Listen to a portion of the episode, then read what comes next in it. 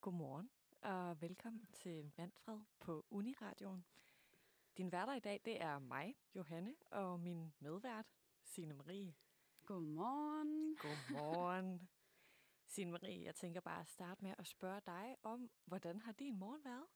Jamen, min morgen har været god. Jeg har cyklet i dag for første gang i noget tid. Det var vildt dejligt, og jeg ved ikke, om du kender det der med, at man ligesom kan komme ind i sådan en cykelslange, så man cykler ligesom med de samme mennesker i virkelig lang tid. Jamen, det kan jeg godt. Fordi ja. der er så mange mennesker på cykel, som man simpelthen ikke kan overhale. Ja, ja. Øhm, men vi er også ligesom tre, der cykler bag den her øh, ladvogn. Mm. Øhm, den her mand med en cykelhjelm, og den her kvinde med sådan en rød tophue, og ligesom mig, der cykler med min grønne tophue allerbagerst. øhm, og vi har ligesom den her fælles fjende, som er den her ladvogn, der cykler foran, og vi skiftes ligesom til at kigge bagud, sådan, hvornår kan vi få lov at overhale. Og jeg først så prøver, den første, den forreste prøver ligesom at overhale, og han kan ligesom ikke komme forbi, og så prøver hende med den røde top at overhale, hun kan heller ikke komme forbi, og så er det ligesom lidt min tur. Så jeg får ligesom overhalet dem, og får så heldigvis overhalet den der ladvogn. Og efter det, så kommer hende der med den røde hus op, og så kommer ham med cykelhjelm op. Og så ender vi ligesom med ligesom at have vundet over den her ladvogn, og cykler ligesom sammen. Og så de andre, de er ligesom way, way forward, eller hvad hedder det, langt forud nu. Og så vi ender simpelthen med at ligesom have sådan en cykeltur sammen, hvor jeg føler, at vi kører et sådan en cykelhold, og hjælper sådan hinanden med sådan, op, skal vi overhale her? Jamen, vi overhaler her, og lige sådan kigge tilbage, og sådan, okay, helt sikkert. Og sådan. så det var bare en virkelig hyggelig cykeltur, og det var sådan helt hårdt, da de begge to drejede af, og det var sådan, hej, hej venner. Så de sådan efterlod ligesom dig alene på cykelstien. Præcis, men ligesom klare det selv fra deraf, ja. Men det gik heldigvis, og jeg er her, og alt er godt.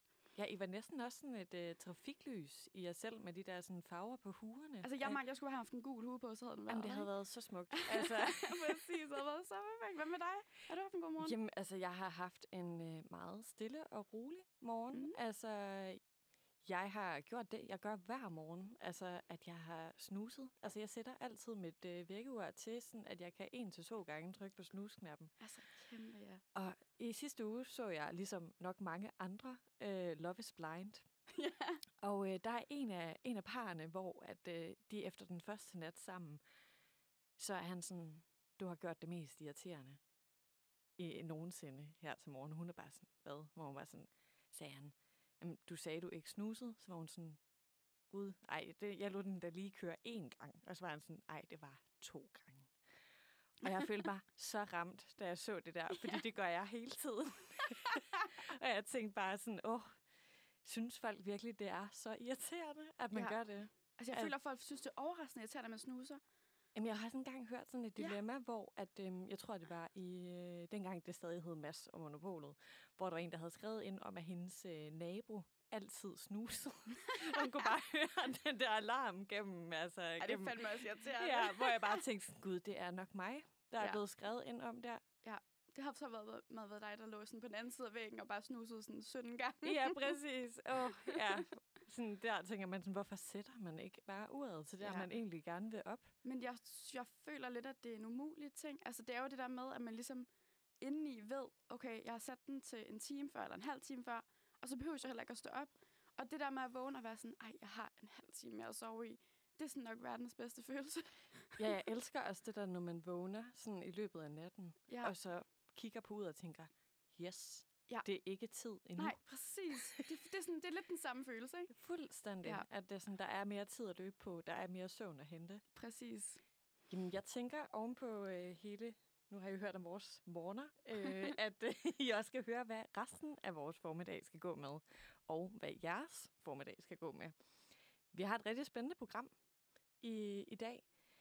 Altså først skal vi lige øh, lave et øh, kig på den kriminelle underverden i, i Danmark, og bagefter skal vi høre nogle spændende, et spændende interviews, interview med øh, et par dygtige musikere. Så skal vi løse lidt dilemmaer, og øh, så skal vi høre om en Oscar-nomineret kortfilm. Og til slut, så får vi et øh, nyt medlem i vores venindebogsloge. Så altså, lyt med de næste par timer. Det bliver sjovt. Det bliver vildt spændende. Og nu skal vi høre nummeret Sleep med FVN. Og vi er tilbage her på Manfred på Uniradioen. Velkommen til igen. Din værter hedder Sine, som er mig. Og min vedvært i dag hedder Johanne. Og her hører de nummeret Sleep med FVN. Øh, som faktisk spiller i Lillevækker på torsdag. Er det ikke rigtigt, Johanne? Det er det. Jeg ved ikke, om det er på torsdag, men det er i hvert fald den 17. marts. Den 17. marts, den 17. marts. jeg ved ikke, Så jeg tror lige, der går et, øh, et par uger, men det, jeg tror faktisk, det er på en torsdag, hvis jeg sådan lige kan lave den helt rigtige matematik Jamen, det kan være, jeg havde sådan en god intuition der. Ja. Ja. Nå, men fantastisk. Men øh, vi skal altså videre med Crime Time. Fordi her på redaktionen, der har vi altså sat os for at holde jer lidt opdateret på kriminaliteten ude i det danske land. Hvad har politiet haft travlt med de seneste dage? Hvad er der sket? Hvornår skete det? Og hvem gjorde det? Bare rolig. Vi giver jer altså svarene herinde på Manfred. Godt. Nå, er du klar, Johanna, til at høre, hvad der skete? Hvad der er sket, hedder det. Ja, jeg er meget spændt. altså, øh, hvilket øh, niveau af sådan kriminalitetsskalaen vi skal være på. Ja. Jamen, øh, nu skal du høre. Den her har overskriften Unge festet i omklædningsrum. Vi starter i den Spændende. lille by Kirke Hyllinge i Lejre Kommune på Sjælland, hvor politiet lørdag aften kl. 22.22 fik en anmeldelse om, at 15-20 unge mennesker festede i intet mindre end et omklædningsrum i den lokale hal. Brams Næsvig-hallen. Udover de 15-20 unge, som allerede var godt i gang med at holde fest, skulle flere unge også have været på vej dertil for at deltage i festen. Som politiet også besøgte i forbindelse med anmeldelsen. Politiet fik i omklædningsrummet kontakt til 15 unge, primært fra lokalområdet, der alle blev borgervist fra stedet. Umiddelbart var der altså intet ødelagt, så de unge havde blot ulovligt opholdt sig på stedet. Ingen af de unge blev sigtet for noget i forbindelse med bortvisningen. Okay, altså Johanna, har du nogensinde stået i sådan en situation her, hvor at du, øh, du skulle ud og feste et sted, som ikke var sådan helt lovligt at feste? Jamen, altså, ikke helt på samme måde. Øhm, altså, men altså, jeg tror, at de fleste af os godt kan genkende det der med, at øh, være så ung, at man ikke lige sådan kan tage i byen, eller lige har et sted at holde fest. Altså, jeg har da Mhm. siddet og drukket nogle øl øh, i min ungdom på en legeplads og sådan nogle ting. Ja. Jeg tror også engang, jeg har prøvet at være med til sådan at holde altså sådan fester, der har været lidt øh, sådan ikke helt godkendte. Din egen små piratfester. ja, ja, men det er også det netop, det er sådan faktisk lidt sjovt at gøre det sådan øhm, ovenpå en periode, hvor at det har været totalt bandløst at holde fester, og så er ja. Ja. det nu, man simpelthen slår til i det her omklædningsrum. Altså, det er også det, jeg synes er fantastisk ved det her. Det er, at vi er faktisk lidt over coronasituationen. Man må godt gå ud nu. Og så elsker jeg, at de her har valgt at holde en piratfest nu. I Brams Næsvigehallen. Altså også perfekt sted, lyder det til. Altså i Kirke Hyllinge. Ja. Altså det er jo simpelthen, altså jeg synes også, det er sjovt med den der detalje om, at det mest er for lokalområdet, for jeg tænker også lidt, det er jo så langt ude på landet, at man måske ikke lige sådan tager fra København til Kirke Hyllinge for at holde fest. Jeg synes det også, det er en Øh, god detalje, der er med der. Ja, og det var sådan, det bliver ringet ind sådan kl. 22, 22. Ja. Det synes jeg også, der er et eller andet rigtig smukt over. Men det er også det der med, at det, også, det er meget tidligt, man gerne vil have lukket en fest. Man kunne også måske have givet dem lidt længere snor og være sådan, okay, klokken 12, der kan vi ikke overskue det her mere. Jamen, der har garanteret været sådan en eller anden bekymret borger, der har været ude og Ja. gå med sin hund og tænkt sådan, nej, Nej, det skal jeg simpelthen ikke bede om i det dag, det skal her. simpelthen lukkes ned, det her. Nå, skal vi gå videre? Ja, lad os det. Den her hedder simpelthen bare indbrud. Nej, undskyld, det er forkert. Den hedder Tisset ved politigården. Yes. Og yes. vi er i Nykøbing. Det hedder så muligvis, at en mand skal, at når en mand skal, så skal han. Men en 28-årig mand burde nok have valgt anderledes, da han tidlig søndag morgen skulle tisse. Det gjorde han nemlig ved politigården i Nykøbing bag de parkerede politibiler. Det så en betjent, og den 28-årige blev derefter sigtet for overtrædelse af ordensbekendtgørelsen. Her står nu, han står nu til en bøde på 15.000 kroner. Nej, nej, nej. Jeg kan se, jeg er så overgået. 1.500 kroner. Altså Yes. ikke 15.000 kroner. Og på ingen måder. Øhm, så det er altid godt. Det er ikke 15.000, hvis man der tisser på offentlige steder. Det er altså kun 1.500 kroner. Meget mere overskuelig pris for det, ikke? Nå, men har du nogensinde uh, tisset så dyrt? Jamen, altså, jeg, jeg, jeg fik et uh, gevaldigt chok, da du lige kom til at sige det forkerte tal. Så tænkte jeg sådan, så har jeg godt nok levet livet farligt uh, rigtig mange gange. Uh, ja, altså, jeg tror, at... Um, jamen, jeg har, jeg har tisset sådan, altså, offentlige steder så utrolig mange gange. Ja. Altså, jeg kan huske en gang, da jeg var teenager, og jeg skulle uh, ned til en eller anden koncert. Og der nåede jeg sådan at tisse 10 eller 15 gange på vejen. Altså sådan simpelthen, altså sådan hver femte minut var jeg bare sådan, jamen altså det var bare løbet igennem af det Ja, der ja. alkohol, så det er simpelthen, Men det er jo bare lidt af klassikeren, det der, når man skal til koncert, eller man har drukket øl. Så kan har man bare partyblæren Jamen, altså, gode gamle partyblære, altså, den er simpelthen, altså, så jo, det har jeg da gjort rigtig mange gange. Ja. Der er også, altså, en utrolig stor mangel på offentlige toiletter. Altså, ja, kæmpe meget. Og især for kvinder. Ja, præcis. Ja. Altså, det, det, er sådan, det er faktisk et ret stort problem, vil Det jeg er det. sige. Altså, fordi vi skal jo ligesom også bare sådan af med det hele, Præcis. Ja. ja. at det sådan ligesom kan lykkes. Præcis. altså, det er sådan, der har en, nem, en mand, der er sådan lige lidt Ja. nemmere. Det er bare lige at åbne buksen, og så køre det. Det er også som om, at der er sådan, altså hvad, der er sådan fire pissoirer til et dametoilet. Ja. Altså, så, ved, ja, det er bare ikke, det er ikke fair. Nå, men vi har, lad os gå videre, vi, fordi vi skal lige slutte af her på Solskinsøen Bornholm, hvor en noget dramatisk hændelse har fundet sted. En ældre kvinde, hun ringede torsdag middag til politiet og oplyste, at hun fra sin garage på adressen i Rønne havde fået stjålet sin rollator. Kvinden oplyste, at garagen havde stået åben tirsdag den 22. i tidsrummet mellem kl. 11 og kl. 14, i det hun havde været ude at køre. Da hun kom hjem, var rollatoren væk.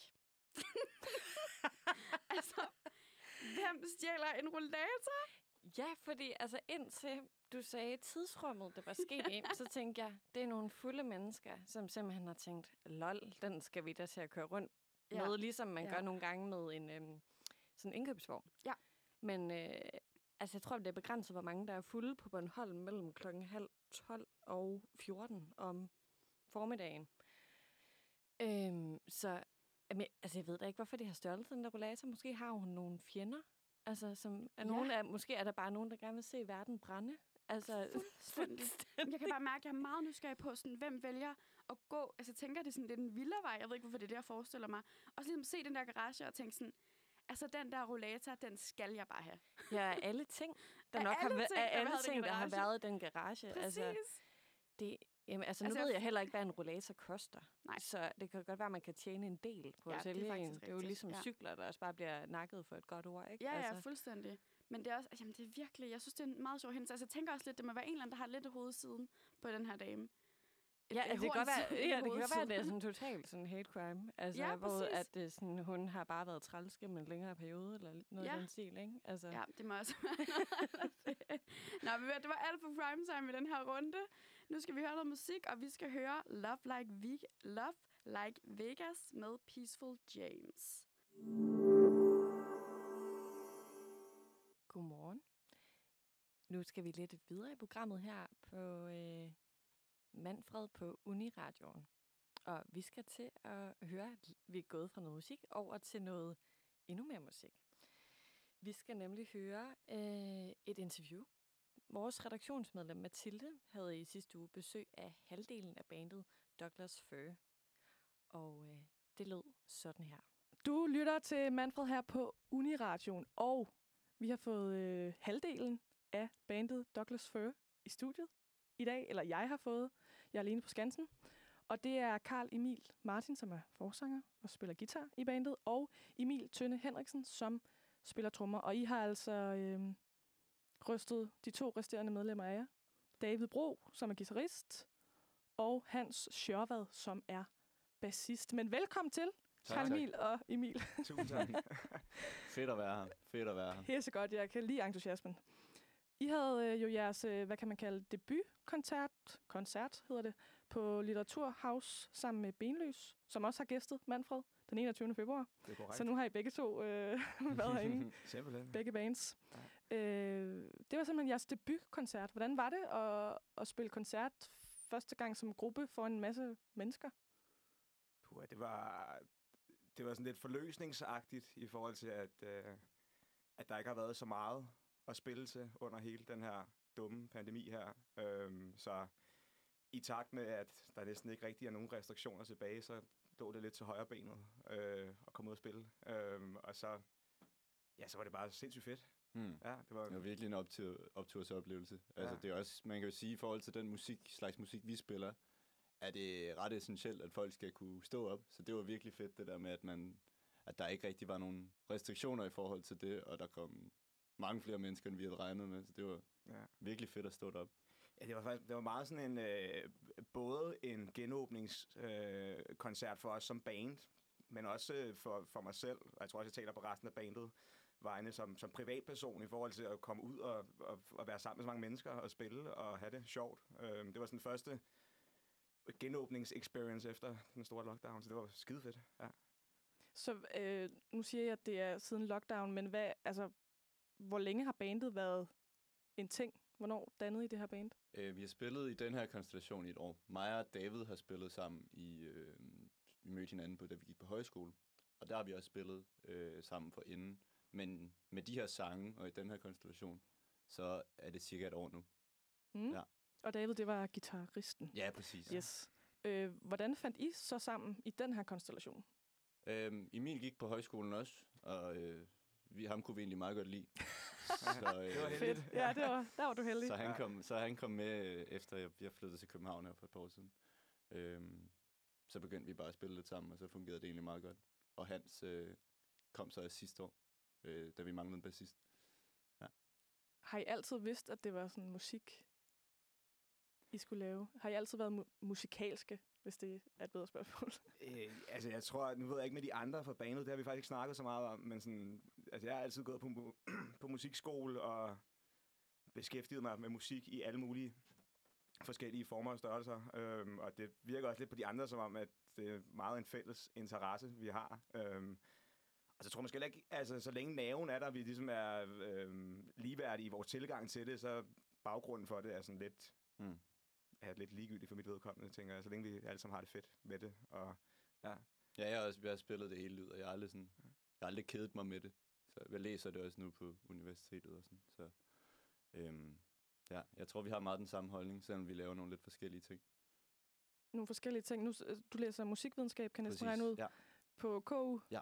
Og hvad, hvad laver du, Emil? Øh, jeg læser til lærer ved Mhm. siden af. Øhm, Hvilket fag, eller hvilke fag? øh, lige nu, øh, jeg skal til at afslutte dansk til sommer, og så læser jeg historie, og så skal jeg have musik her efter, hvad hedder det, ja, efter sommerferien til august, tror jeg det er.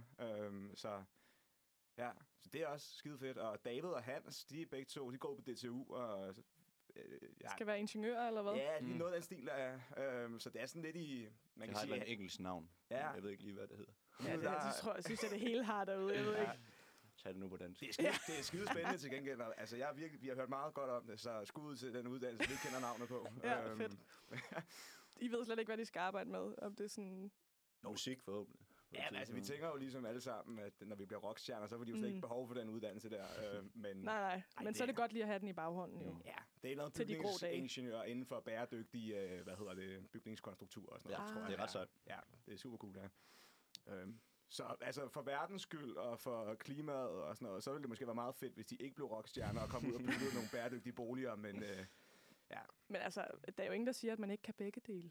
Nej, det har du fuldstændig ret. Altså, så kan man jo... Øhm. Der er vel altid et tidspunkt i en rockstjernes liv, hvor at der er lidt mere stille end andre, Ja. går jeg ud Ja, fra. og mandagen. Øh, ja. Primært, men der sover man vel mest. Ja, det er det. Øh, ja, det er det vel. Ja. Øh, det er en kæmpe kliché. Vi står, står sent op og går på druk. Og, Hvad var der? Brian May var ved ham fra Queen. Han var vist også astrofysiker ved siden af. Så øh, Ja, det er Ja. rigtigt. Johan nogle Olsen Ja. fra Magtens Korridor, han er jo et eller andet øh, bio, øh, Ja, han er uddannet et eller andet inden for... biolog, tror ja. jeg. Ja. Ja, øhm, Og også prøvet lidt kræfter med skuespillet, tror jeg. ja, lige præcis. Der er, ja, helt klart. Ja. Så hvordan... Nu snakker du lidt om øh, rockstjernelivet, og Mhm. gå sent i seng og sove til sent. Øh, hvordan ser jeres sådan, hverdag egentlig ud med musikken og så jeres studie? Jamen, det er, ikke, ja, det er jo ikke sådan... Det er ikke rockstjernelivet endnu. Ej, vi er jo simpelthen så konservative, at vi har øh, en fast øvedag om ugen, som faktisk er i dag. Vi skal ud og øve senere. Øhm, og det er simpelthen for at have et, et flow i at komme ud og øve. Øhm, fordi at, øh, at vi alle sammen er studerende og har gang i en masse andre ting og sådan noget. Så for ligesom at sikre, at vi kommer afsted, så er det ligesom øh, onsdag aften fra 18 til whenever vi er færdige. Øhm, Hmm. Og det er ude på Refali, hvis man har lyst til at møde os. Øh, men det var igen onsdag fra 18 til whenever. Ja. Ja. Ej, det, jeg synes sgu, det er meget fedt at have det som fritidsinteresse ved siden af. For så kan jeg bruge så meget tid, som jeg har lyst til det, på det. Øh, så er det også, det er jo ikke et arbejde ved siden af. Det gør jo også, at jeg hygger mig med det med, ved siden af. Øhm, så jeg føler, at vi har, vi har nok tid til at øve os så meget, som vi kan, og nok tid til at, øhm, hvad skal man sige, aflyse nogle ting, hvis der kommer nogle koncerter, eller når vi har koncerter og så videre. Det er også tit, altså sådan, øver også tit i weekenderne og sådan noget. Det Ja. jeg synes alle sammen, vi er gode til at prioritere det, altså ligesom at lave det bedste produkt som muligt. Hvordan, øh, nu tænker jeg, nu læser du musikvidenskab. Øh, hvor langt er du på din uddannelse? Jeg er på fjerde semester nu. Fjerde semester. Har, Mm. du så, har du så kunne se nogle ting, hvor at det, her, det at gå på musikvidenskab har hjulpet dig sådan rent musikalsk? Øh, altså, det er et ret godt miljø for sådan at spare med hinanden og så videre. Øhm, ja, og jeg føler også, at jeg er blevet en bedre musiker. Altså, man øver tit nogle tekniske færdigheder. Men hovedsageligt har jeg, altså, så har jeg fået det ved siden af. Øh, Mm. ja. Det er fordi, jeg tænker, at øh, nu går jeg selv på det samme fakultet. Ja. Og jeg ved bare, at øh, musikvidenskab er meget sådan praktisk orienteret med hørelærer og, og sådan nogle ting. Men hørelærer bety- betyder jo skide meget for, hvad hedder det, øh, som, som komponist. Det synes jeg, det er mega vigtigt at have helt klart et godt værktøj. Men jeg tror, jeg har lært mere af, at vi er ude i øveren og, og ude i, i felten, hvis man kan sige det sådan. Ja, til Mm. koncerter og til øver. Og, Ja, præcis. Ja. og vi skal høre øh, meget mere om, hvordan I, øh, hvad kan man sige, komponerer mm. Jeres musik. Men først skal vi lige øh, høre et nummer, som I har taget med. Øh, vil I præsentere det for vores øh, kære lyttere? Det her nummer, det hedder øh, Casio. Det er et mig og Emil faktisk har øh, skrevet sammen. Øh, og også de andre i bandet. Øh, Men hovedsageligt, det start, ideen startede med, øh, vi var ret vilde med, hvordan man øh, ligesom oversatte den genre, der hedder UK Garage, de, øh, de trommer, der var der, hvordan man oversatte det til en, til en live setting.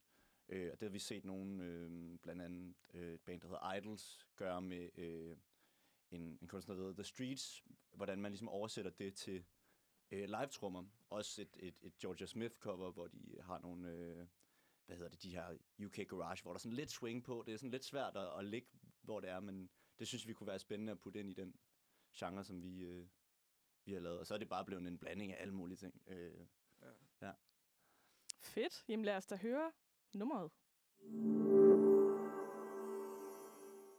Og det var altså nummeret Casio med Douglas Fir, hvor at jeg jo er så heldig at have halvdelen af Douglas Fir i studiet, og det er Karl Emil og Emil. Og vi har jo lige snakket om jeres øh, debutkoncert sammen med Benløs på Litteratur House. Øh, og nu vil jeg egentlig gerne spørge lidt ind til, øh, nu har vi lige hørt et af jeres numre. Øh, du snakkede lidt om det før, Mm. øh, med hensyn til sådan inspiration. Ja. Hvor jeres inspiration ligesom kommer fra, og hvordan I vil ligesom, hvad kan man sige, karakterisere jeres musik, jeres lyd, Mm hvis det giver mening. Altså lige med, med de her seks sange, eller som vi ligesom gerne vil lave til en EP snart, der øh, karakteriserer vi os meget som, som postpunk. Vi synes, det er rigtig spændende, det der, der sker nede i, i Sydlondon nu, og, øh, og ja, synes det er en fed scene, ligesom at, at, at videreudvikle på en eller anden måde. Vi vil gerne være en del af dem. Men ellers så er det også, der er meget sådan øh, garage-rock, danserock. Øh, vi kan godt lide, der er noget, noget energi i det. Øh, bands som Arctic Monkeys og Idols og ja, er nogle store, store inspirationskilder. Ja, det tror jeg også. Altså sådan, det... The Streets øh, har Karl og jeg i hvert fald dyrket rigtig meget, øh, og haft det for vildt over. Øh, og det er jo mere sådan... Jeg skal også passe på, hvad jeg siger, for det er meget sådan nogle blandede genrer. Det, Mm. Han er helt genial, hvad hedder det? Mike Skinner. Øh, men øh, han blander en masse forskellige genrer. Øh, grime og også UK Garage. Og, Mm. ja, øh, så der har vi også kigget rigtig meget på i forhold til nogle forskellige ting. Ja. Inspirationsmæssigt her. Men jeg tror hovedsageligt, altså hvis man sådan skulle med en genre, så ville det nok være postpunk. Ja. Øh, ja.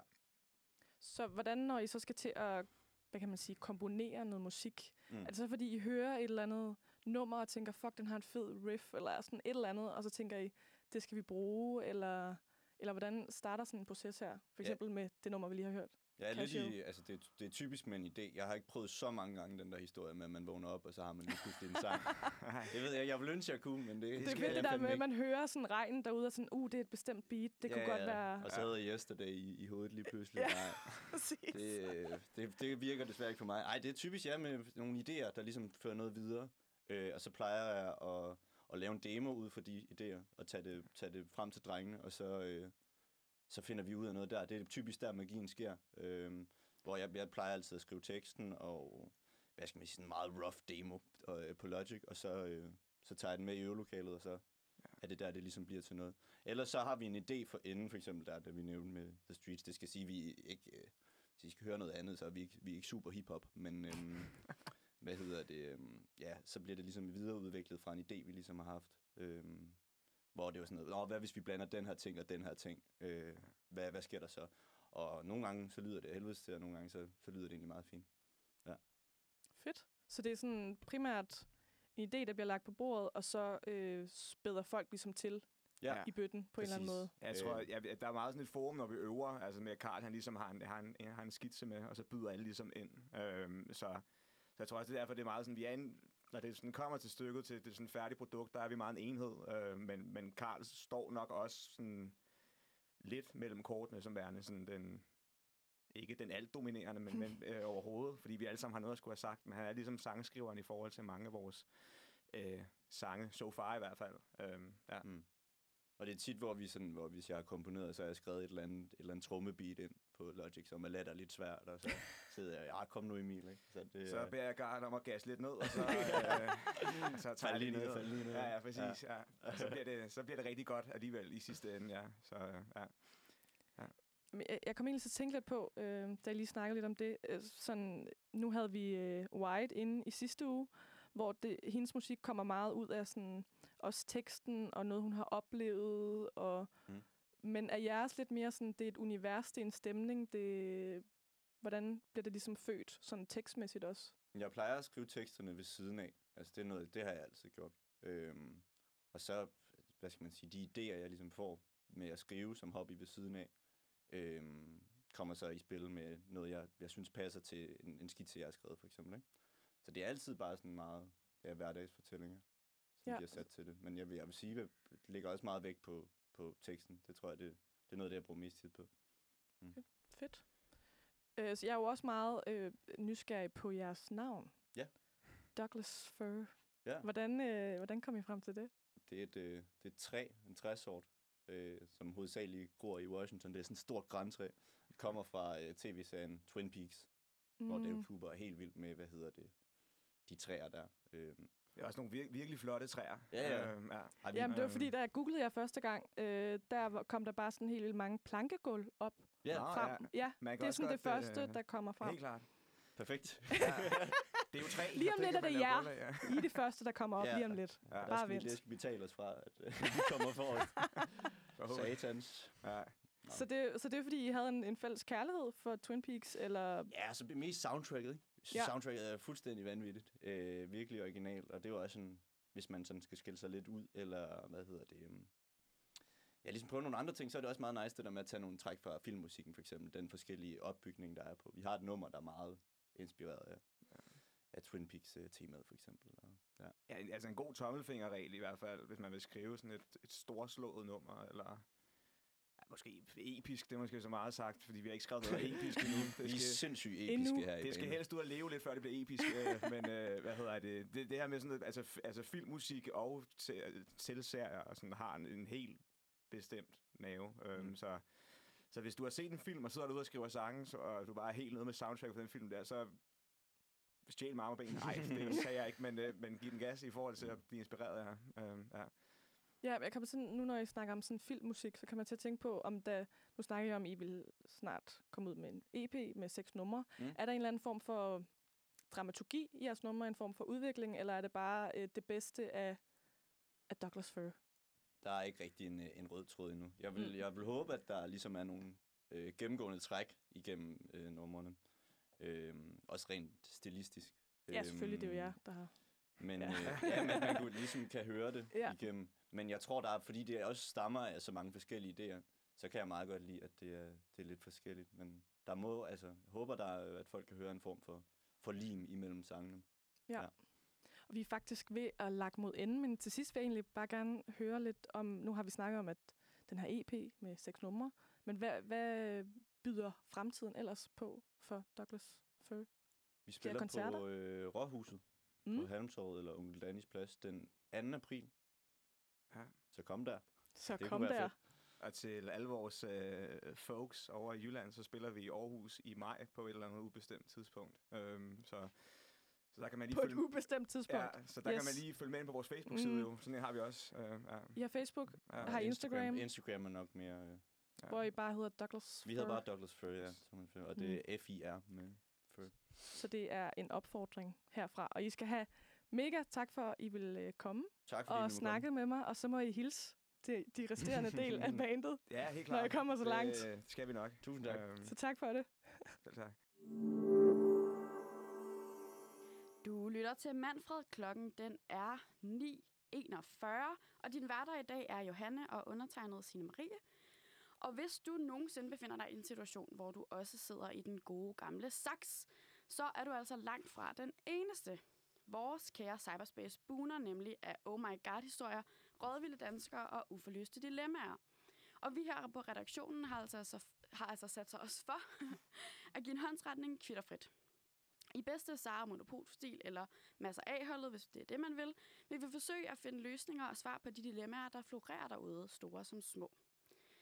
Monopolet i dag er undertegnet igen her, og så er det Johanne.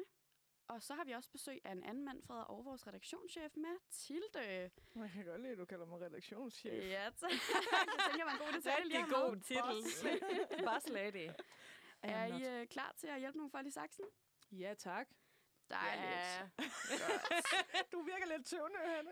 Jamen, Ja. altså, det er nogle gange the blind leading the blind, ikke? Ja, det er altså, men, men det er jo derfor, sådan, så, sådan nogle dilemmaer her, hvor vi skal lege os kloge på, kan få en til følelsen, okay, måske har jeg lidt mere styr på mit liv, selvom Altså, man slet ikke har. jo, jo, Det er true, ja. Ja, ja, kæmpe meget. Jeg Det er føler altid, at man er sådan så klog, når Ja, jeg ja, står præcis. Og nu skal du gøre sådan og sådan og sådan, men man følger det slet ikke selv.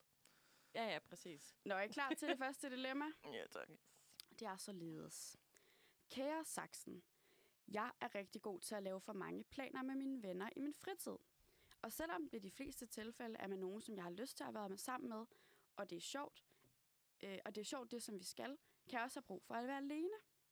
Men her kommer så den anden del af mit problem. Jeg synes også, at det kan være rigtig svært at være alene og slappe af i det. Mit spørgsmål er derfor, hvordan jeg bedst får sagt fra over for mine venner, om jeg har nogle gode råd til, hvordan man hygger sig bedst i sit eget selskab. Okay, Mathilde. Vil du ikke starte? Hvad tænker du? Jo, altså jeg, øh, jeg synes, det lyder bekendt. Mm. Øhm, men jeg ved sgu ikke, altså sådan, fordi den, den modsiger jo så lidt sig selv. Ja. I at, øh, at jeg har brug for at kunne sige fra, og, og så være alene, for jeg har laver for mange planer. Men mm. samtidig kan jeg heller, måske heller ikke nyde mit, øh, mit eget selskab. Nej. Og det, og det tror jeg, det handler lidt om... Øh, altså, jeg har altid øh, været meget god til at være alene. Måske også nogle gange lidt for god til at være alene.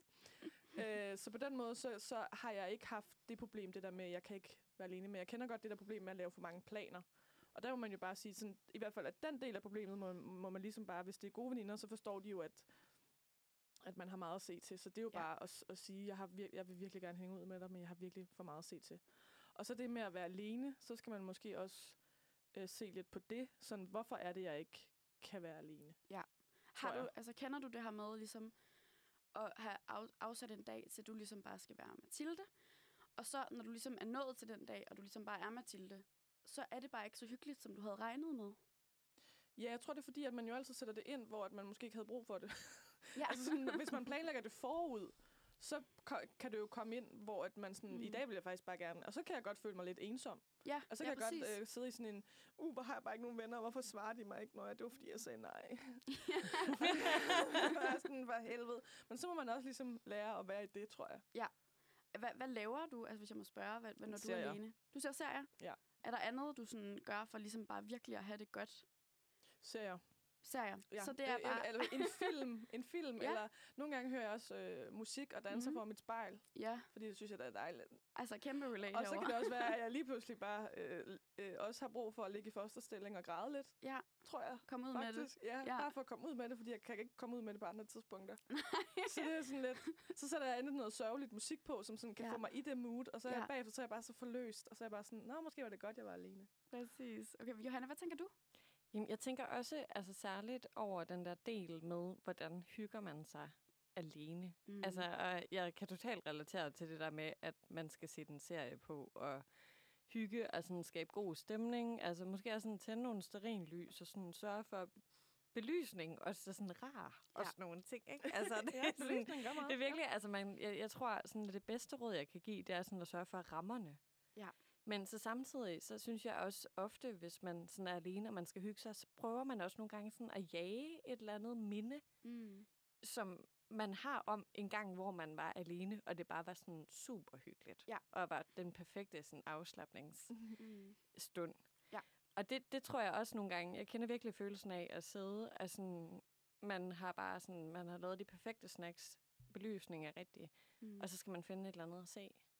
Og, er så, der er man bare ingenting. sådan, så bruger man bare sådan en halv time på Netflix, og sådan gråden begynder sådan at komme op i halsen. Ja. Fordi man er sådan, det bliver jo ikke hyggeligt, eller jeg kommer jo bare til at sidde i det her sådan limbo Ja. for evigt.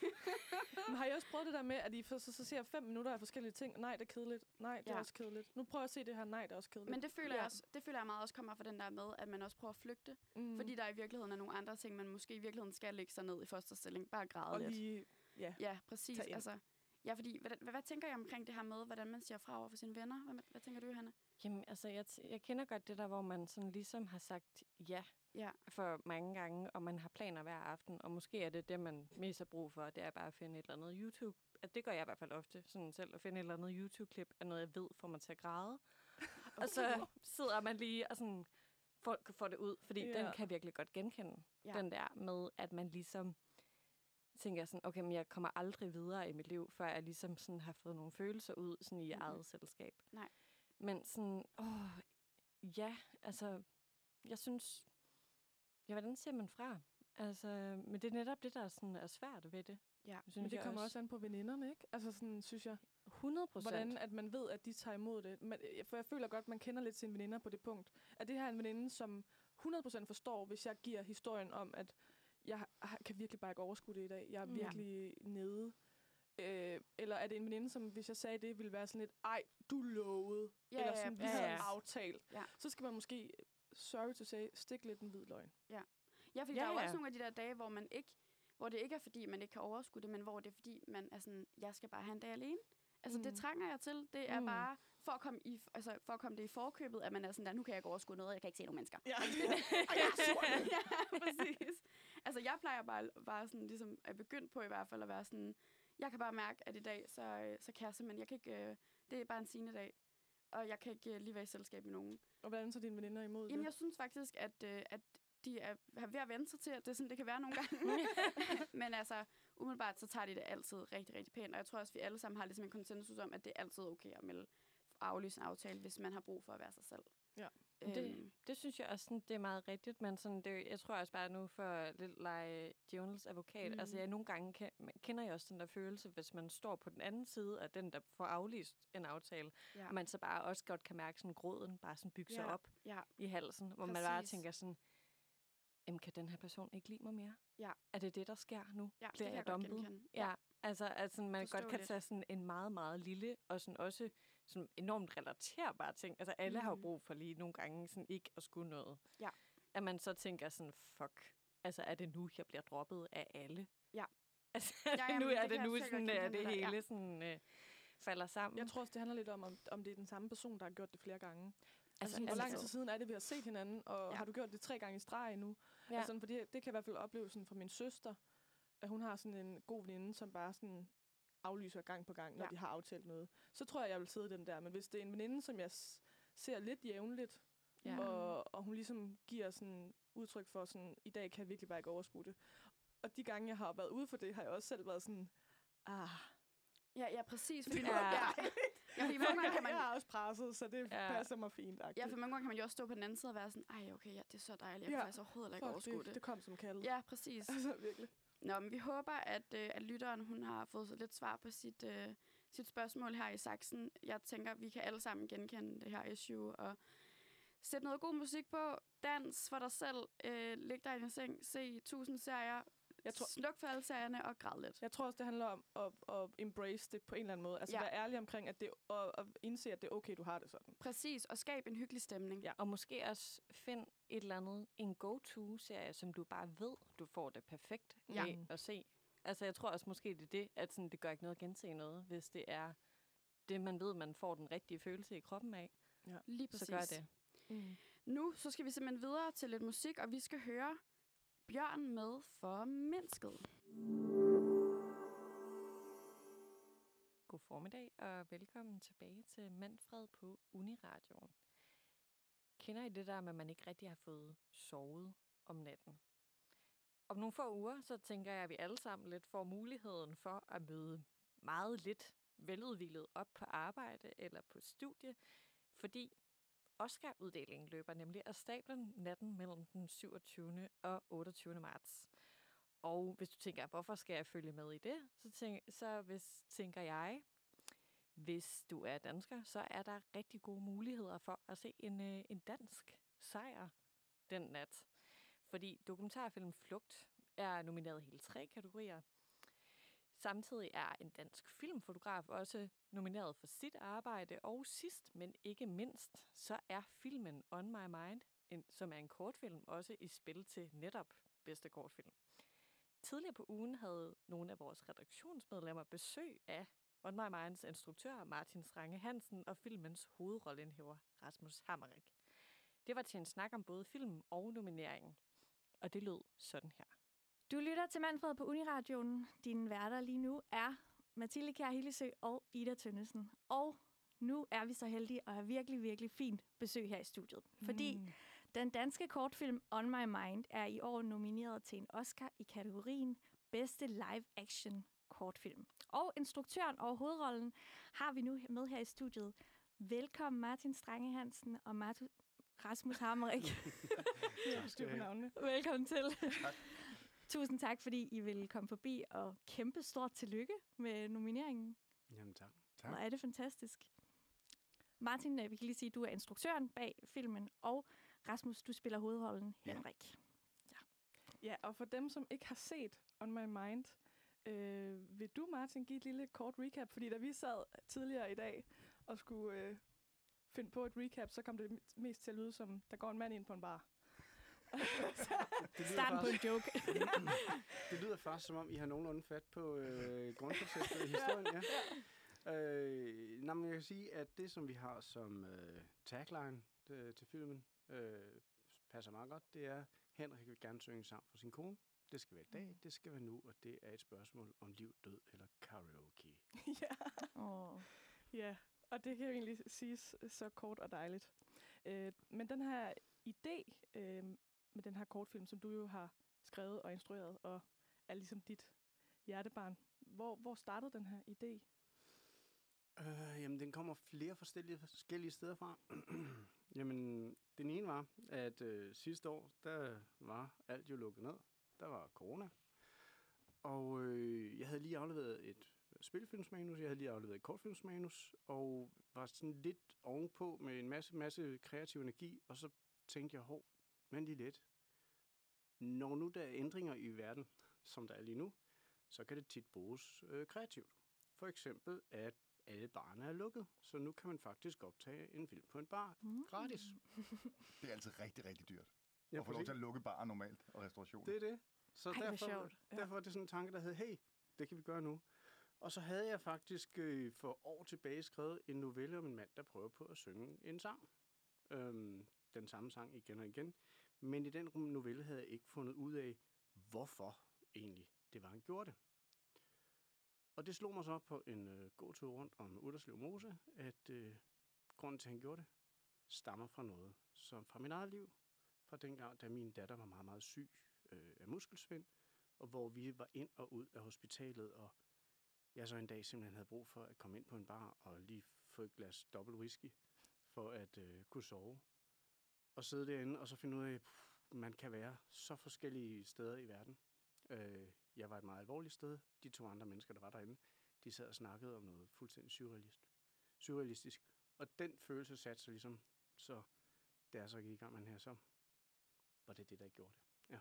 Og det er den følelse, din karakter Henrik er i, Rasmus, da Ja. han kommer ind på den her bar. Hvordan var det at ligesom, nu hører vi fra Martin, at det var noget meget, meget personligt for ham. Hvordan var det at spille over for en instruktør, som ligesom har sat sit, lidt af sit eget private i scene? Øhm, hvad skal man sige, da Martin ringede til mig og fortalte den her historie, og fortalte baggrunden for, hvorfor han havde skrevet den her historie, øh, der blev jeg selvfølgelig meget berørt af den. Øh, øh men da vi først gik i gang med arbejde, så var det også et stykke arbejde, og Martin var, var øh, meget usentimental omkring det. Der er på et tidspunkt i, i filmen, hvor, jeg, øh, hvor der er en dato, jeg nævner, øh, en bryllupsdag. Øh, Øh, og den troede jeg jo helt naiv, som jeg var, havde noget med øh, en dato, som havde noget med Martins datter at gøre. og spørger ham så efter, der ligesom er tak tak for scenen og videre, og sagt, hvad, hvad, hvad, hvad var det? Var det hendes fødselsdag? Var det hendes dødsdag? Hvad var det? Sådan, Martin, hvad mener du? "Jamen, den der dato, har den ikke en sig- signifikant betydning? Så jeg, Ej, det skulle jeg selvfølgelig have gjort. Det kan så sige, at det er min forældres øh, bryllupsdag. Det er dine forældres ja, det bryllupsdag? er min forældres bryllupsdag. Det var det første, jeg sagde til det. Ja. Så den har stor betydning for Mathilde. Det har stor betydning for det har Mathilde. den. Nej, så- Tak for det. Velkommen.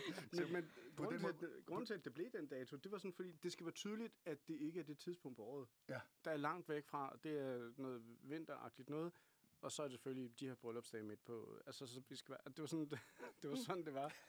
Og det, øh, så, så, så, men bare for at vende tilbage, det er det der med, at, at på den måde var det et godt tegn på, hvor usentimentalt det var for Martin, og også at arbejde med det, fordi at, at på den måde var det ikke privat. Altså, det var jo ikke Martins historie, vi fortalte. Vi fortalte en historie om Henrik, der kom ind på en bar. Øhm, øh, og, og, og hvad dertil hørte øh, af hans oplevelser. Så, så, øh, så nej, det var ikke det var ikke noget, der fyldte for os. Det var så fyldt senere hen, og vi har jo snakket meget om det, og det har også været sådan en katarsis-ting at komme igennem det. Øhm, og det har været dejligt for mig at få lov til at, at give krop til de tanker og følelser, som Martin jo har haft omkring det her, og har skrevet ned på et stykke papir, som jeg så har forsøgt at levendegøre. Var der, Martin, for dig altså, en periode, hvor, at, altså, hvor det gik fra, at du ikke havde lyst til at optage det her, til at nu var du, var du klar til det, eller hvad skal man sige, til at det kunne blive et, et færdigt produkt? Nej, altså, dengang jeg gik ind på barn, det var i 2001.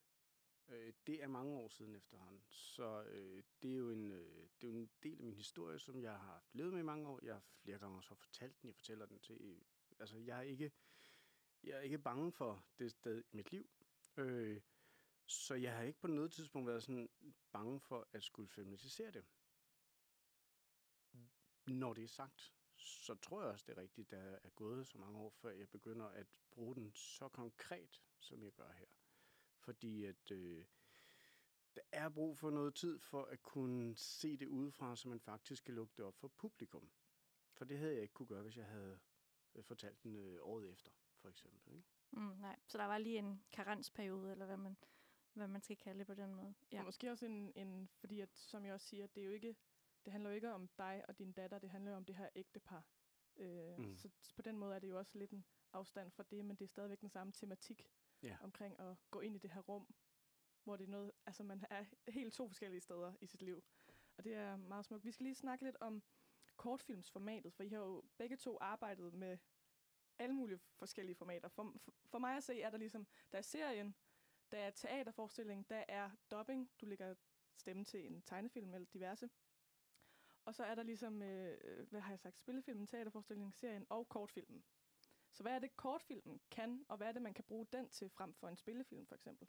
Rasmus, vil du starte med at prøve at svare på det? Uha, ja. Øhm, nu er jeg jo ikke læst film og medievidenskab eller øh, noget andet. Derfor klogt. kan man godt vide en Ja. ting. Ja. Jeg synes, at kortfilmen kan det, at man kan øh, øh, få lov til at lave en film, som handler om et vendepunkt. Altså en, en, en person, der har et problem, som skal løses. Og man behøver ikke nødvendigvis i kortfilm at redegøre for, hvem han er, og hvor han kommer fra, eller hvad det er for et sted, vi er. Hvor det bliver vi nødt til at spille film, der bliver vi nødt til at have hele det store univers med. Det behøver vi ikke nødvendigvis i kortfilmen. Vi kan gøre det, men, men vi kan også bare som lidt i vores sige, vi er på to forskellige locations, og det er en mand, der kommer ind der. Vi ved ikke, hvad han laver. Vi ved ikke, hvad han hedder. Vi ved, han hedder Henrik, for det står i credits, tror jeg. Jeg Mhm. tror ikke, at det bliver sagt i filmen. Altså, så på den måde, så al den her info, som vi bliver nødt til at, at lade øh, øh, øh, spillefilm og serier med, den har vi ikke nødvendigvis behov for i kortfilmen. Og det synes jeg er et virkelig rart øh, format på den måde. Så er der nogle gange, du laver kortfilm, som er chubang og øh, øh, nærmest mere sådan en, en, en lang montage, som nærmest er en spillefilm klippet ned på 18 minutter.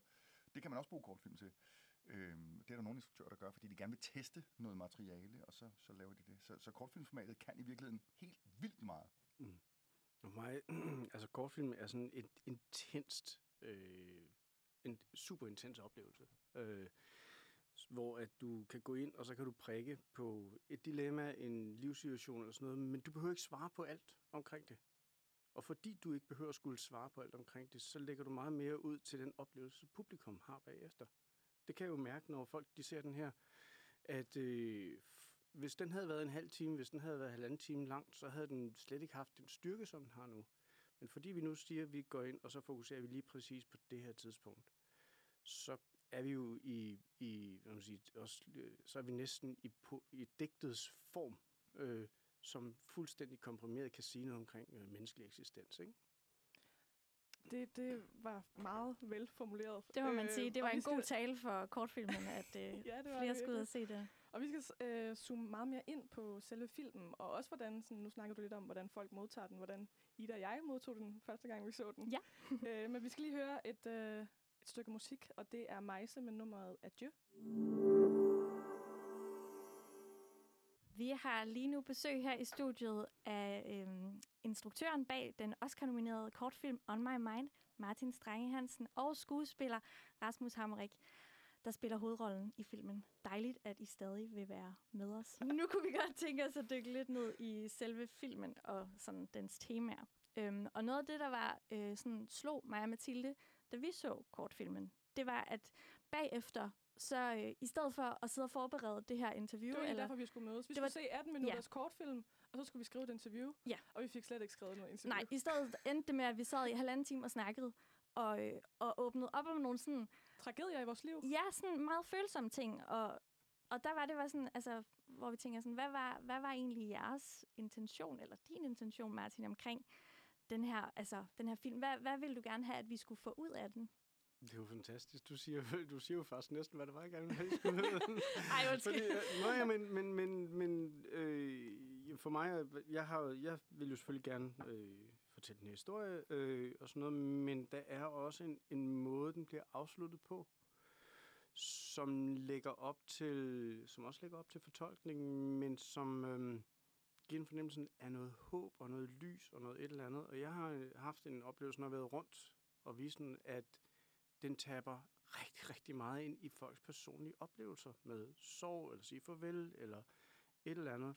Så det, du fortæller, reflekterer virkelig ret meget tilbage på det, jeg sagde lige før omkring, du behøver ikke skulle svare på alting, men du gør noget, som lukker op for, at I så havde en, en samtale bagefter, og det er det kortfilm så også øh, nogle gange kan på en helt anden måde end spillefilm. Fantastisk. Og nu skal vi, ja, og nu skal vi høre lidt fra øh, øh, den her kortfilm omkring sådan, for det ting vi også sådan lagde meget mærke til, det er det der med øh, snakken om den her duk og sjælens aftryk, og hele den der, sådan, hvad jeg vil kalde sådan metafor for livet på en eller anden måde. Øh, så vi afspiller lige et lille klip, hvor vi hører øh, Rasmus Hammerik og øh, Camilla Bendix i en lille øh, dialog, vil man kalde det. Nå, så jeg godt.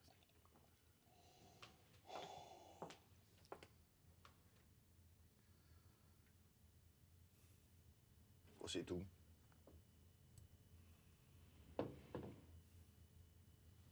Det er en hel fortælling. Og jeg fortæller den. Her har et menneske åndet.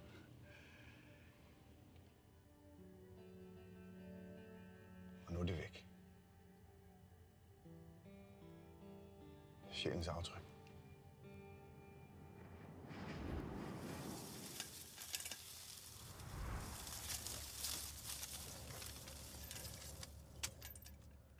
Der er også noget med den her... Øh, Det fungerer også som Vind. radiodrama. Ja, ja, det gør det. Fuldstændig. Det fungerer så godt.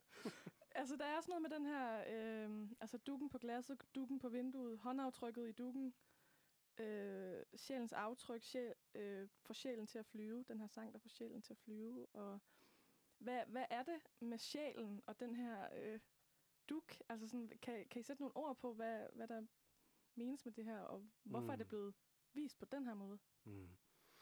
Jamen, en ting øh, fandt ud af, mens vi var i gang med, at jeg tror ret tidligt i processen, hvis jeg skrev, det var, at øh, hendes til stede, altså den kone, som han gerne vil synge for, tilstedeværelse bliver jeg nødt til at få ind igennem filmen.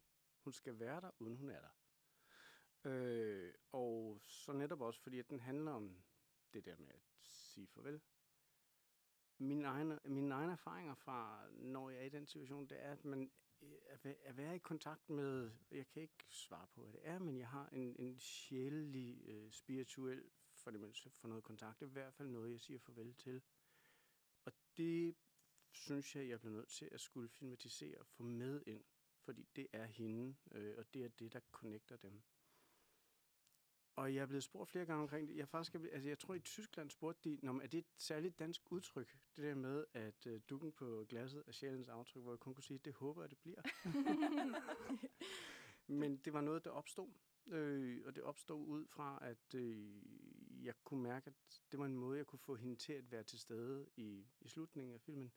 Og så kunne jeg, øh, man sige, trække tråde helt op til i starten, hvor han står og er knudet, knudet sammen i sin sorg, hvor han til sidst omfavner sin sorg, om jeg så må sige.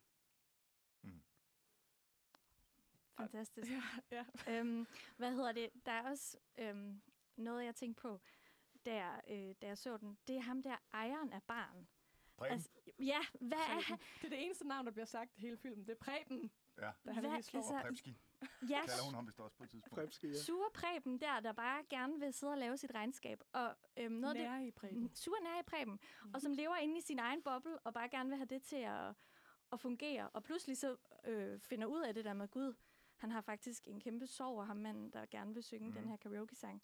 Altså, er han, øhm, er han et udtryk, Preben, for noget lidt større i vores samfund? Altså, er vi dårlige til at fornemme andre mennesker? Eller hvad, ja, hvad tænker du, Rasmus? øh, Så, jeg har lyst til at sige, ja, selvfølgelig er han det. Øh, vi satte os ned og tænkte, vi, hvordan kan vi bringe samfundet ind i den her egocentrisme, som præger os i hverdagen? Og hvor vi, nej, øh, det er jo Ole øh, Bøjsen, det skønne menneske, som spiller Preben.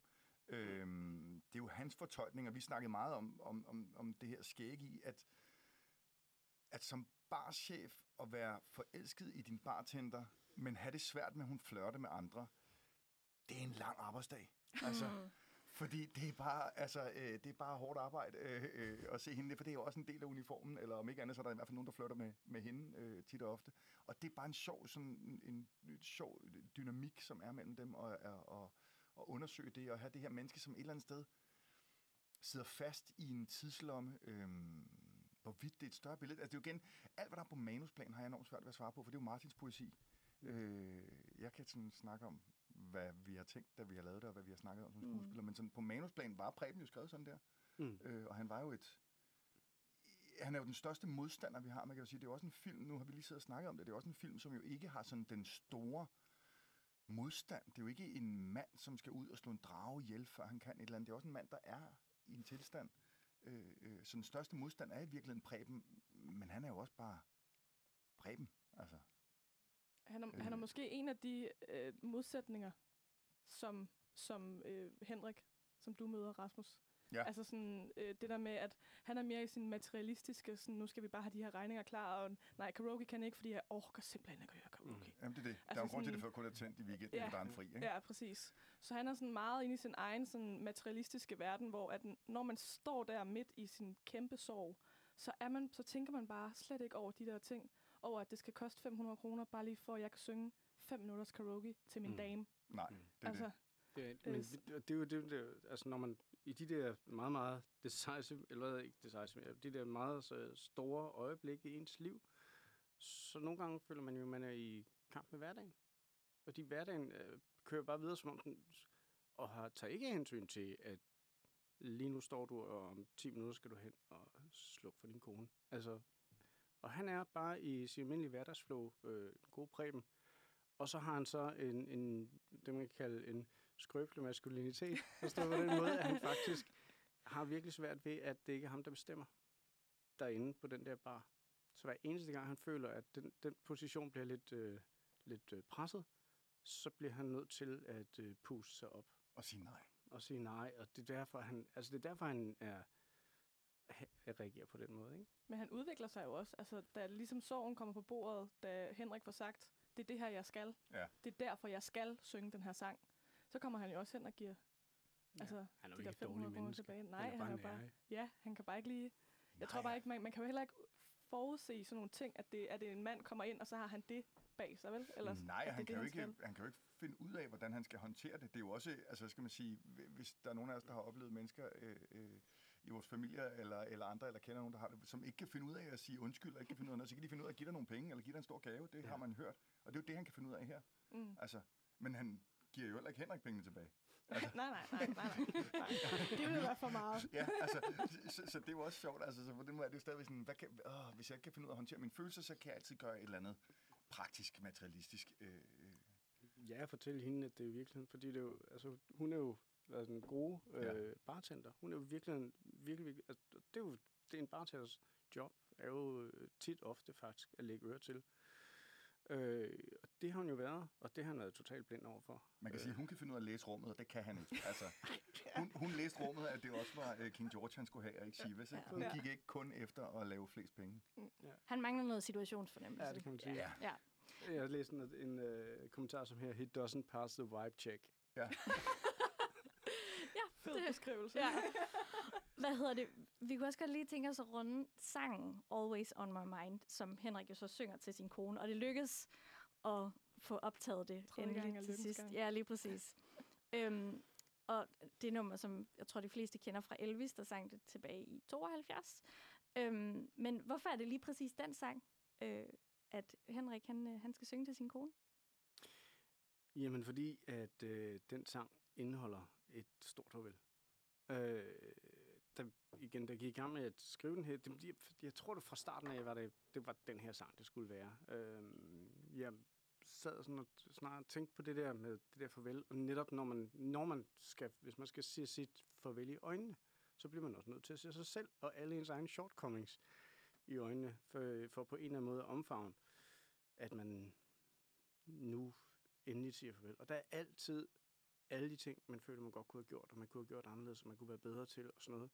Men hvis ikke man kan face det først, så kan man heller ikke øh, vende tilbage bagefter, og faktisk mindes den person, man har sagt farvel til, fordi der vil være for meget au, au, au, au, au. Øh, så derfor, øh, den her sang, så er det selvfølgelig også noget andet. Jeg vil gerne have, at den her film skulle ud i verden. Det er derfor, det ikke er kvindemin fordi at den skulle med det samme sådan næsten øh, ramme os øh, følelsesmæssigt, fordi alle har en, en relation til den her sang på en eller anden måde. Den er en del af vores fælles popkulturelle DNA. Øh, så den gør noget i det øjeblik, den går i gang.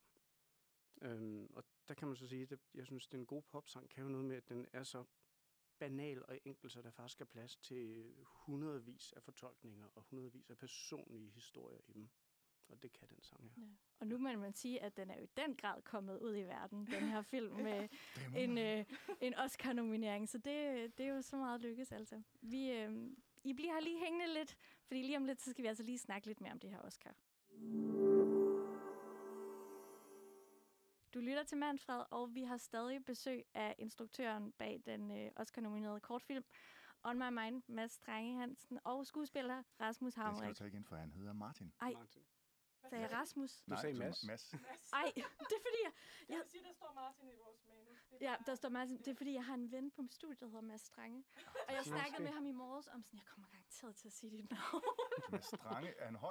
øh, nej, lille fyr. Nå, det er ikke ham, der er gået ned på ord. Nej, nej, nej. No, no. Den tager vi bare igen. Ja, jamen, du kan bare... Ved du hvad? Det er det, der er så smukt ved vi ikke live. Ja, det er skønt. Godt. Jeg kan også lave den. Ja, det må du gøre. Så er vi tilbage i Manfred, og øh, vi har stadigvæk besøg af instruktør Martin Strange Hansen, der har instrueret kortfilmen On My Mind. Og jeg hedder Rasmus Hammerik, og jeg er skuespiller og spiller hovedrollen i filmen. Og vi er klar til spørgsmål nu, Mathilde. Ja, tak. Ej, hvor irriterende. Det har lige overtaget vores arbejde. Vi er totalt overflødige nu, Mathilde. Er. Virkelig godt. Øh, vi kan jo ikke komme udenom, at vi også lige skal runde den der... Og der, så, yes, godt. Vi kan ikke komme udenom, at jeg lige glemte at tænde for min mikrofon. Du så befippet af, at det var mig, der præsenterede Ja, jeg blev, jeg blev så optaget af dig og din stemme. Tak jeg. du Ja. Nå, vi kan jo ikke komme udenom, at vi skal snakke om den her Oscar-nominering. Ja. Øh, som jo øh, er en af de største, hvis det ikke den største filmpris, man kan vinde, mm. kan man kan vi vel godt lige sige her Ja. i dette forum. Øh, og jeg vil, jeg vil lige afspille et lille lydklip for jer, som øh, I nok kan regne ud, når I hører det, hvad oh. der er fra.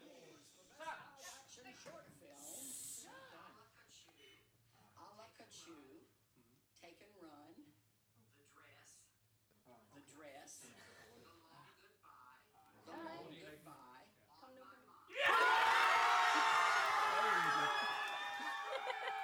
Så for søren, så gik lydniveauet også lige op i rød. Jeg tror, det også er, at Rasmus, man kan høre virkelig sådan... Jeg, jeg gik øh, brøller i den, det vil jeg gerne. Jeg gik ren øh, fodboldtilhænger. Men, altså, Det kan hvordan, jeg, det kan jeg hvordan forstå. i hele hulen føles det at blive... Altså, du er blevet nomineret før, Martin. Hvordan føles det... Martin Ma- har også vundet. og vundet i 2003. Mhm. Mm. Yes. Øh, Det kommer vi meget mere ind på lige om lidt. Men Rasmus, hvordan føles det at blive nomineret for... Altså, for en Helt crazy.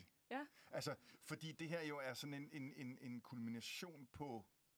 Ja, det var et år. Altså, vi sad jo stort set næsten på årsdagen fra, vi, fra at vi snakkede sammen første gang om det her projekt, Ja. øh, til at, øh, øh, at den blev nomineret. Nå, faktisk i går var årsdagen... Ja, Ja. ja. før vi snakkede. Ja. I går var øh, første dag, vi optog for Ja. et år siden. Ja. Mm. Så det var jo kort, og, og hele den der sådan fornemmelse af, at, at man jo i, i, i, i vores branche aldrig ved, hvor det ender, det man starter på. Der er jo sådan en lille lotto i alting. Øh, og så den her følelse, jeg gik og havde hele dagen, det gik faktisk først for, op for mig om fredagen inden, det her det var en tirsdag, øh, hvor meget jeg i virkeligheden gerne ville have den nominering. Altså her, indtil da var vi shortlistet blandt 15 sidste, og det synes jeg var fedt. Øh, og så lige kunne jeg mærke, at jeg vil gerne vinde. Kæft, hvor vil jeg gerne vinde. Og så det, der var så hårdt, det var, at, at, at al den energi, som, som opbygges øh, i mig, den havde jeg ikke rigtig noget sted at gå hen med. Fordi hvis det var sådan, at der var en eller anden rolle, jeg gerne ville have, at jeg skulle til en casting, jamen så kunne jeg, så kunne jeg ligesom få det ud, når jeg gik til castingen og spille igennem og rah, alle de her ting. Og her, der vidste jeg jo, at beslutningen var taget. Der var bare nogen, der sad med en information, de ikke ville give mig. altså, så jeg var jo ved at springe i luften. Jeg var jo, altså, jeg var jo en løve i et bur. Øh, øh, og nu kan jeg have meget, dem der kender mig, Mathilde blandt andet, øh, ved, jeg kan have meget energi i forvejen. Så jeg var jo altså springfarlig. Øh, øh, og havde jo advaret Martin og sagt, I don't have a gracious loser face. Jeg kommer til at, øh, Ah, nej, det er rigtigt. at råbe fuck og sparke til ting, hvis jeg ikke vinder. Jeg bliver god igen. Men, men, men, men, men jeg kan godt lide at vinde, og samtidig er det jo også absurd at snakke om at vinde og kunst og alle de her ting, hvor Martin også sagde, prøv at høre, vi har jo vundet, altså for helvede, den er blevet set, og den er ude, og den er meget større, end vi nogensinde havde regnet med, men, men, men det jo alligevel, når man så går i konkurrence, som der var en, der gang sagde, du skal ikke gå på banen, hvis du ikke vil have bolden. Mm. Altså, Mm. og, og den følelse gjorde så, at det eksploderede i det lydniveau der, og jeg sad og slog mig selv på brystet og, og råbte meget højt, og var meget, meget glad, og har været glad lige siden. Det kan jeg virkelig, virkelig Ja, sat med undskyld godt jeg forstå. Altså, jeg vil også være euforisk. Øhm, hvad hedder det? Øhm, Mathilde, du nævnte lige, men Martin, du var jo faktisk, øh, altså du vandt jo faktisk en Oscar i 2003 mm-hmm. for din kortfilm, Der er en yndig mand. Kæmpe tillykke på bagkant Tak for det. med det. øhm, men øh, altså, vi, vi læste i et tidligere interview i øh, The New Yorker, at du har fortalt, at din statuette fra den gang, den har bare ligget og samlet støv. Inde i klædeskabet? Ja, hvor, hvorfor det? Jamen, fordi vi flyttede rundt på nogle ting, og så, øh, og så tror jeg, så røg den ind i... Jeg har sådan... Altså, en ting er, at den er i klædeskab, men jeg har også sådan en ting, jeg har fundet ved en vaskehal, som jeg har den i. Som er sådan en Okay. rigtig god lille Ej, kasse. Så jeg har sådan en det godt, ja, ja. hvor jeg tit har den, og, så, og så havde jeg sat den ind i det der skab, og glemt. Som man jo lige man glemmer jo lige, man Jamen, det er jo det, fået det er en det. Ja. Så Men nu altså- har jeg taget, jeg har taget den frem. Oh, okay. Er der noget med i forhold til det der med sådan filmpriser? Altså, betyder en Oscar mere, end det gør? Altså, i forhold til det der... Ja, Robert eller ja hvad? præcis. En Robert, eller hvad man ellers kan få. Det gør det. Øhm, i, for lige før corona og sådan noget, jeg har været en del i Kina på, på nogle ting, også hvor jeg skulle være med til at starte noget filmfestival og sådan noget. Og der, der bliver jeg altid præsenteret som Mr. Oscar. Ikke? altså, Fedt, altså, altså den, så den, den, og man vil ikke have præsenteret mig Mr. Robert, vel? Mm. Øh, så jo, den betyder noget, øh, og den betyder især noget uden for, for Danmarks grænser. Øh, der har den, en, den har simpelthen på samme måde som On My Mind, sangen, en international appeal og et så kraftigt brand, så alle ved, hvad det er. Betyder det noget andet her anden gang? Det er jo vildere. Mm. Altså, det synes jeg jo på alle mulige måder, det er. Øh, også fordi, den, altså, som jeg fortalte her før, øh, tilblivelseshistorien er, hey, vi laver en lille film, mens der er lukket ned. Øh, vi har ikke nogen finansiering til det. Jeg går ud og smider mine egne penge i den, og, og så videre. Så har jeg været heldig at få nogle penge bagefter nogle steder. Men det er jo lavet på det, altså, det, og det med det mindste, mindste, mindste, mindste hold, du kan, kan forestille dig. Fordi at vi på grund af coronarestriktioner var sådan, hey, vi skal have så få mennesker som muligt. Øh, så vi er jo otte mennesker, der optager, og de tre spillere. Øhm, så der er alt muligt, som gør, at det her, at det ryger hele vejen. Øh, og så igen også selvfølgelig, fordi det er en personlig historie, gør, at jeg er meget mere overvældet og gladere og taknemmelig, end jeg, end jeg var, da jeg var. Hvad har jeg været? Der? Par 30, har jeg været 30? Det er omkring, ja. Ja, jeg ved ikke, hvor gammel du Jo, er. og, så, og, som, og som, du, som du også har forklaret der med, at hele Oscar-tingen har jo også bare udviklet sig. Altså med, Ej, med sociale medier og med, med, med, med Ja. hele det her med, at verden i virkeligheden er blevet mindre, ikke? så er det jo også... Altså, The New Yorker er jo bare et klik væk på en anden måde, Mm. mm. end det var dengang. Ikke? Ja, ja, men det, dengang der, der, der hele det der med, altså, der er en shortlist først, ikke? som man kommer på. Det har jo været en, også en stor ting. Dengang var det nærmest noget, man havde sådan... Det måtte man ikke sige. øh, så jeg kan huske, det var ingen, der var ingen historie, der, var, der blev ikke interview eller noget omkring. Så var jeg på en festival et sted, og der fik jeg vide, der gik sådan en, en hemmelig seddel rundt øh, på festivalen, som var, var for nogle film, der var shortlistet til Oscars. Nej. Ikke? Så det var først der, den dag, hvor man står, og det var jo sådan, opdatere browser, nå, opdatere browser, nå, opdatere Åh, oh, fuck, vi er nomineret! ikke? Øh, og så ringe til hinanden, ikke? hvor den her gang havde vi mulighed for at være sammen og sådan noget, fordi vi netop havde, altså fordi at vi kunne gøre det officielt på, den, øh, på en anden måde. Ikke? Så det har været skønt. Ja, altså, vi kunne sidde og se det og drikke champagne og sådan noget samtidig. Og fejre. Og fejre. Skal I alle sammen afsted? Hvor mange skal afsted? Efterhånden nogle Efter, stykker. ja, ret mange efterhånden. Ja, ja. Øh, om det bliver alle sammen, det ved vi ikke. Øh, man Nej, kan men jeg sige, bare ikke, om man havde et max sådan antal, der måtte komme ind også. Mm, Hvordan det har vi også. det er ja, der er max, øh, der må komme ind. Jeg kan have en med, og Kim, som er den anden, der er nomineret, kan have en med. Ikke? Og så skal vi jo lige nu kæmpe os til, øh, om vi kan få flere billetter derovre. Mm. Øhm, Men ellers er det også bare at tage det over og opleve hele det her Oscar Week, ikke? og Ja. specielt Oscar Weekend, som det jo også er, øhm, som folk tager det over for. Øh, jeg tager det over i rigtig god tid. Jeg håber selvfølgelig, at det her kan være et øh, fast track til øh, at få lov til at lave noget i Hollywood. Mm. Ja. Øhm, så jeg tager over for at se, om jeg kan mødes med nogle kaster, agenter og instruktører og producenter, og hvad der Sådan. ellers måtte være. Skal Hammerik til Hollywood? Hammerik skal til Hollywood. Hammerik i Hollywood, det er måske et nyt program, Hammerik faktisk. Hollywood. Hammerik goes Hollywood. Jamen, så laver vi det, så ringer jeg hjem en gang imellem Ja. og fortæller, hvordan det går. Det kunne være fedt. fantastisk. Ja. Så jeg tager allerede afsted her den 14. og bruger 14 dage derovre. Og, og der var noget med, en, du skulle til en frokost ja, derovre. Hvordan jeg er det øh, fungerer? Der er sådan noget, der hedder en øh, Oscar Luncheon for alle de nominerede. Øh, og den er her mandag den 7. Så den tager jeg over til her på torsdag. Øh, tager et lille smut forbi en filmfestival i Colorado på vejen. Og så øh, kommer jeg lige hjem, og så skal vi til noget reception for de nominerede i London. Øh, og så tager jeg afsted igen den 21. Der skal vi over og vise film øh, på der er sådan noget. Men det er jo sådan, den 22 er det ligegyldigt, hvad man gør næsten, fordi der har alle stemt. Mm. Okay, ja. Så derfra, øh, altså, så er vi tilbage i den der, ligesom, ligesom sidst, der er sådan, fuck, fuck. Altså, der er Fortæl ikke os noget det at nu gøre. bare. Ja. Ja. Skal vi vente fem dage? Det bliver så LA, så der kommer til at mærke den energi.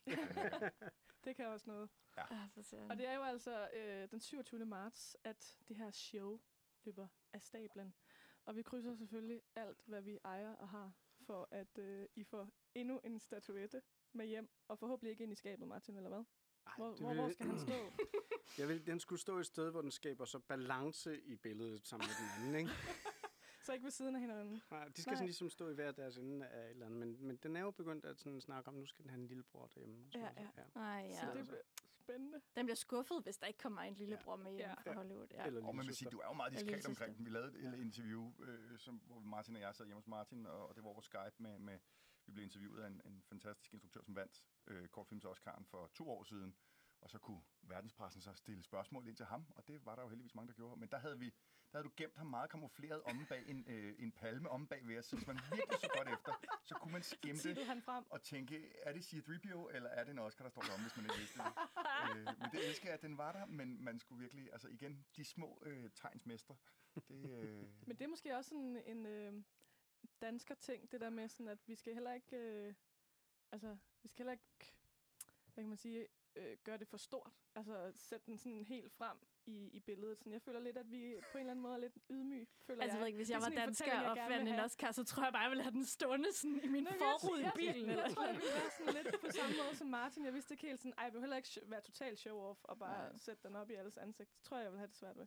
Du er også jyde med du er det. også, ja, Ja, Vist men det er rigtigt. Ja, præcis. altså, Men Jeg er sådan en mutant jyde også, ikke? Altså, så, hvad betyder det? jeg kommer fra Kalundborg.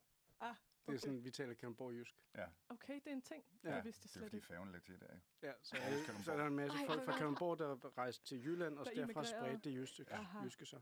Okay, den, den havde jeg ikke lige hørt. Men, men det er sikkert meget rigtigt. men, åh ja, Rasmus og Martin, I skal have mega mange tak for, at I øh, vil lægge vejen forbi Manfred. Også i jeres lige om lidt meget, meget stramme program. Ja. Mhm. Mm. Tusind så tak. det er vi virkelig glade for, og vi igen krydser selvfølgelig alt, og vi er sikre på, at øh, der kommer en, en guldmand med hjem. Uh. Det er vi. Kæmpe held og lykke godt. i hvert fald. Tak. Ja, Tak fordi I måtte komme. Tak for det. Du lytter til Manfred. Klokken den er slået 10.33, og din værter i dag er Sine og Johanne. Hej igen. Hej. Nu skal vi jo til vores venindebogsloge, og her skal vi altså beriges med et nyt medlem, og det er dig, Esther Møller Få. Ja. Velkommen til. Mange tak. Du er også kendt under kunstnernavnet Vales. Yes. Yes. Kan du lige sætte et par, kort, et par ord på, hvad det betyder? Hvad, hvad Wales betyder? Ja. Øhm, ja, det, er, det kommer til at lyde lidt præsentøst måske, men det er øh, inspireret af ordet øh, slør Mm. på engelsk, som jo er Wales. Og så Ja. har jeg bare stadig det på en lidt anden måde. Her har de addet et E, Ja. fordi så følger sådan, så blev, gjorde jeg det til mit eget agtigt. Sejt. Øh, men jeg synes bare, at sådan slør er sådan Mhm. et spændende koncept, det der med, at man kan sådan se noget, men man kan ikke se det hele. Og, Vildt spændende. Ja. Mega godt. Fedt. Men øh, Esther, du er jo øh, udvalgt til at blive en del af Manfreds venindebogsloge. Ja. Og du er altså vores medlem nummer tre. Og Wow. for at blive officielt medlem, så skal du igennem en ceremoni, hvor vi stiller dig forskellige spørgsmål. Og her skal det altså siges, at øh, vi her i venindebogslogen altid gerne vil holde den gode stemning. Mm. Så hvis spørgsmålet kommer lidt for tæt på, så er der altså et safe word, og det er ananas. ananas. Okay, Ja. cool. Og det må du gerne bruge. Fedt. Er du med på den? Yes. Yes. Med. Og vi ved jo også, at du har taget en ting med i dag, og den kommer vi meget med ind på senere. Mm. Øhm, først jeg lige spørge, har du været en del af en venindebog før? Øh, ja, altså loads. Øh, som Fedt, barn, mand. selvfølgelig. Altså, det, var jo, det var det, man lavede. Tingen. Ja, fuldstændig. Det er så Ja, rigtigt. Men ikke for nylig. Så jeg er meget, meget, meget Du beæret. På en lidt mere voksen venindebog måske. Ja. Ja, præcis. Nå, men øh, lad os begynde ceremonien. Ja. Udover mit navn kalder folk mig. Øhm, hovedsag, I familien er det Gøgge. Øh, G-Ø-G-G-E. Fedt, okay. Hvad er historien bag det? Øh, uh, det startede med, at øh, min bror, min tvillingebror og jeg, vi kan godt lide at sådan, kalde folk sjove navne, og så Mm. mm. ville vi kalde min far for Gubbe, som betyder øh, sådan gammel mand på svensk. Ja. Og så sagde han øh, rimelig sådan iskoldt, at hvis vi kaldte ham det, så ville han for det første ikke svare, han ville også gøre os afløs. så, så jeg begyndte at kalde øh, August, min bror, øh, Gubbe i stedet for. Så Mhm. nu hedder han Gubbe. Og så tror jeg bare, det var sådan en, øh, en afledning af Gubbe. Så Ja. blev det sådan til Gøgge. Så gubbe og gøgge. Ja, Ej, og sådan, perfekt. det er gået så vidt, at jeg har sådan, for eksempel på min svogers øh, telefon, der hedder jeg bare Gøgge. Han kalder mig vidderligt ikke andet. Er det jeg tror også, det står i deres, de har inviteret til bryllup for nylig. Jeg tror måske Ja. ja. også, der står til Gøgge. Så det er sådan, i invitationen til dig, eller hvad? Ja, Ej, ja. Ej, det er et perfekt kælenavn. ja. Nå, men den alder, jeg føler mig. Øhm, uh. Uh, den er lidt svær. Øh, jeg føler mig, jeg føler mig sgu meget som den alder, jeg er. Samtidig med, at jeg føler mig pisse øh, forvirret og Mm. lille bitte nogle gange. Ja. Og også meget voksen mod nogle andre gange. Men jeg synes faktisk, 25 25, ja. rammer den ret godt. Fedt. Ja. Okay. Hvad er din livret? Øhm, første øh, tanke, yoghurt. Yoghurt, ja. Fedt. Ja. Hvad, har du en yndlingsyoghurt? Øh, uh, altså græsk yoghurt, 10 Ja, tak. lidt honning, lidt mysli. Så er jeg solgt, seriøst. Det er så godt. Ja. Da jeg var lille, ville jeg være... Øhm, øh, Tina Dickow. Tina Dickow, ja. Ja. Er det, sådan dit, er det et, et stort idol, du har i dit liv? Øh, ja, hun betød alt. Da jeg var 10. øh, hun skriver bare de smukkeste sange, og hun ja. synger så dejligt. Og jeg elsker også, at hun tør at være så... Øh, ja, lige ud på en eller anden Ja. måde. Altså sådan, Helt klart. det skal ikke gå så hurtigt og være så smart. Det Mhm. elsker jeg virkelig. Ej, Mm. hun er virkelig også fantastisk. Ja. Dit bedste køb nogensinde? Øh, mine AirPods. Det er virkelig kedeligt svar, Mathis. Ah, men so true. What is life? Det er jo det sygeste. Fantastisk. Og det har jeg altid i tasken. Airpods kan jeg allerede. Øh, ja, ja, jeg mig. AirPods, og øhm, øh, altså, jeg er også afhængig af læbepomade. yes. Ja, klassikeren. Ain't we all? Ja, har du en bestemt læbemad, du er allermest sådan Ja, fan af? ja, ja, ja, klart. Den, den der blå, øh, hvad fanden hedder Er det der den? labello-agtige Ja, noget? præcis. Den er så god. Ej, det er sådan man har brugt, føler hele sit liv, og den virker bare stadig. Ja, ja, ja. det kan virkelig noget. Også hvis man sådan er lidt forkølet, så kan jeg, bruger jeg den også på næsen. Yes. og man kan faktisk også godt bruge den sådan lidt highlight-agtigt på er det kinderne. rigtigt? Nå, ej, fedt. Sådan lidt shine. Ja, Ja, ja. ja men det har jeg aldrig prøvet. Nå, men nu er vi altså nødt til, at vi skal høre din single, Okay. You and Me, som udkom, udkom for en uges tid siden. Ja. Og øh, vil du lige præsentere nummeret for vores lyttere? Ja, øhm, her øh, kommer der en sang, som handler om noget, som jeg har hørt rigtig mange gange før, nemlig kærlighed. Øhm, men det er simpelthen bare mit bedste bud på, hvordan det føles at være mm. Forelsket, og ja. endelig give slip på alle de der forbehold, man kan have. Eller jeg har i hvert fald personligt altid sådan sygt mange sådan en liste over ting. Ja. Og det handler om at smide den væk, og så bare fyre den af. Hvornår skrev du sangen? Det er faktisk to år siden. To år siden? Ja. Øh, jeg er under corona-lockdown. Totalt ikke kærligheds øh, vibes. Nej. altså totalt lonely single vibes, Ja. da jeg skrev den. Så jeg tror også, det var Ej, lidt sådan en, fedt. come on, let's go. Sådan, Nu skal det ud, hvad? nu, skal, nu skal der ske noget. Så måske kan det hjælpe på det, hvis jeg skriver en sang. Ej, Ja. Fantastisk. Vi glæder os så meget til at høre den. Yeah, Her kommer You and Me med Veils. Velkommen tilbage til Manfred, og oven på det her øh, enormt dejlige nummer, så skal vi videre med at indvige øh, Esther i vores venindebogsloge. Og øh, vi er nået til et rigtig, rigtig spændende øh, spørgsmål. Hvad er dit ultimative kendis crush? Øhm, uh. Uh, jeg, den første, jeg tænker på, er faktisk Brad Pitt. Men det synes jeg er så basic et svar. men, men jeg har seriøst set så mange dårlige, dårlige B-film, bare fordi han var med i den der, øh, der er sådan en, der hedder Trøjer eller sådan noget. Hvor Ja, han ja. ikke har noget tøj Ja. på. Og jeg, sådan, jeg har set den. Altså, det skal lige siges, det er nogle år. Altså, det er ikke sådan så aktuelt længere, men ja. Det, Og der er han virkelig meget nøgen i. Jeg har Ja. engang haft en øh, latin øh, underviser, hvor vi så den i undervisningen, hvor han også bare sad og var sådan, fuck, hvor er Brad Pitt lækker i den her film. så er der altså noget om det. Så altså, det er totalt øh, legit at have Okay. ham som sit kendis crush. Ja. Videre til noget lidt andet. Det har jeg altid i mit køleskab. Yoghurt.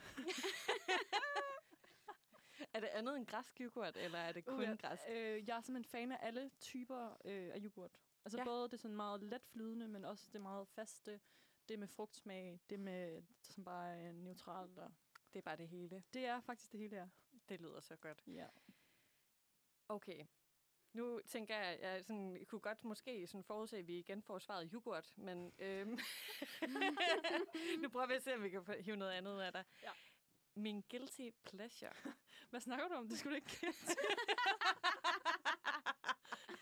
øh, Jamen, det kan være, det var sådan en Dolmio eller et eller andet i den oh, stil. Jeg elsker det. Ja. Det er han.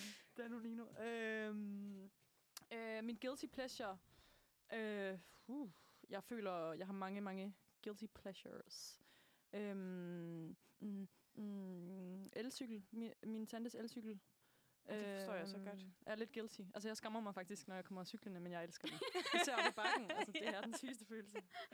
Ej, det er det også det fedeste. Altså, man vil jo i virkeligheden gerne have sådan en. Øh, ja. Ja, altså. Det er bare, fordi man er forfængelig. ja,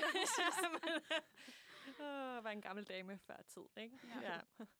Hvad er din yndlingssang lige nu? Altså, jeg tænker, at øh, det er svært nogle gange at svare på all time. Ja, klart. Ja. Jeg vil sige, i går havde jeg en oplevelse med E.G.'s nye album, som jeg synes er så smukt. Øh, og sad og hørte den der, jeg sad og hørte det hele, men så hørte jeg den der All or Nothing, øh, som bare er genialt. Altså, og jeg skrev det til hende, sådan en rigtig fangirl, sådan. "Ja, jeg sidder og hører dit album. øhm, så det er, sådan, øh, det er det sidste, jeg har hørt, hvor jeg virkelig blev sådan rørt og grebet. Øhm, Ej, det lyder så dejligt. ja. Jeg slapper af ægte når. Når jeg er sammen med øh, min tvillingebror, øh, og vi kigger ud i luften, og jeg siger ikke noget agtigt.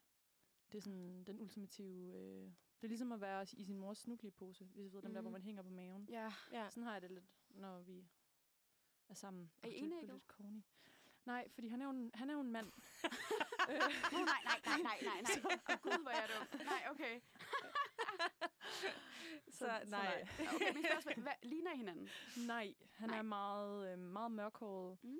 og meget pæn, og det er ikke, det er ikke for at sige, at jeg ikke er pæn, men, men, men han er sådan, nej, han er, han er, han er sådan, ja, han ligner mig ikke. Nej. Desværre. ja. Yes. Jeg griner altid, når. Når jeg er i uniradioen. Nå. Ej, var det et dårligt svar? Skal Nej, jeg- altså du må da gerne. Øh, det, det tager vi virkelig til os. Men Ja. øh, har du andre tidspunkter, hvor du også griner? Øhm, Eller er det kun Nej. lige nu? jeg har, det er faktisk første gang. første gang i mit liv, jeg oplever latter. ja, ja lad, os bare, øh, lad os bare beholde den der. Jamen, det, det lyder godt. Det Ja. er vi altid rigtig glade for at høre. Det var så det sidste spørgsmål, men ja. vi er ikke helt færdige nu. Øh, for som vi tidligere har nævnt, har du øh, taget en ting med, der mm. betyder noget specielt for dig. Mm.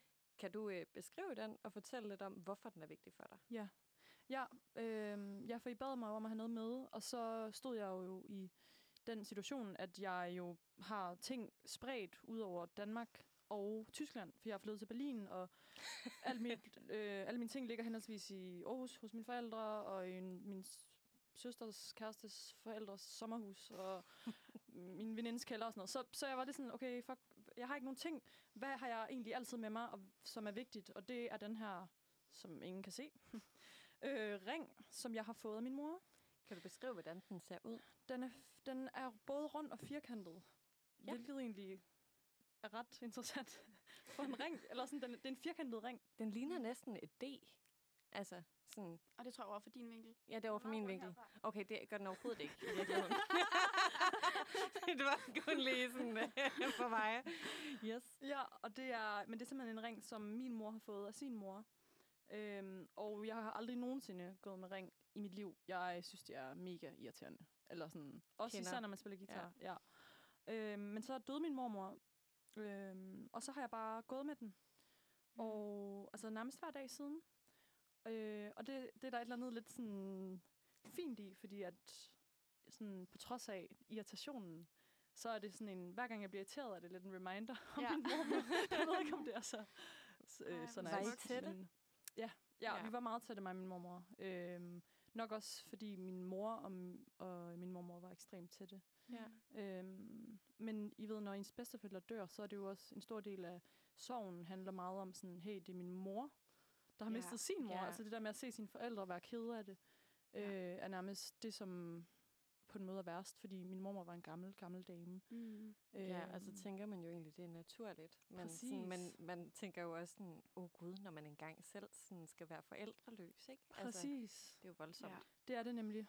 Øh, men det er også noget, som bringer os tættere sammen, Mm. øh, tænker jeg, når, når vi mister. Øh, så det er, det er både sørgeligt, men det er også på en måde ret dejligt. Ja.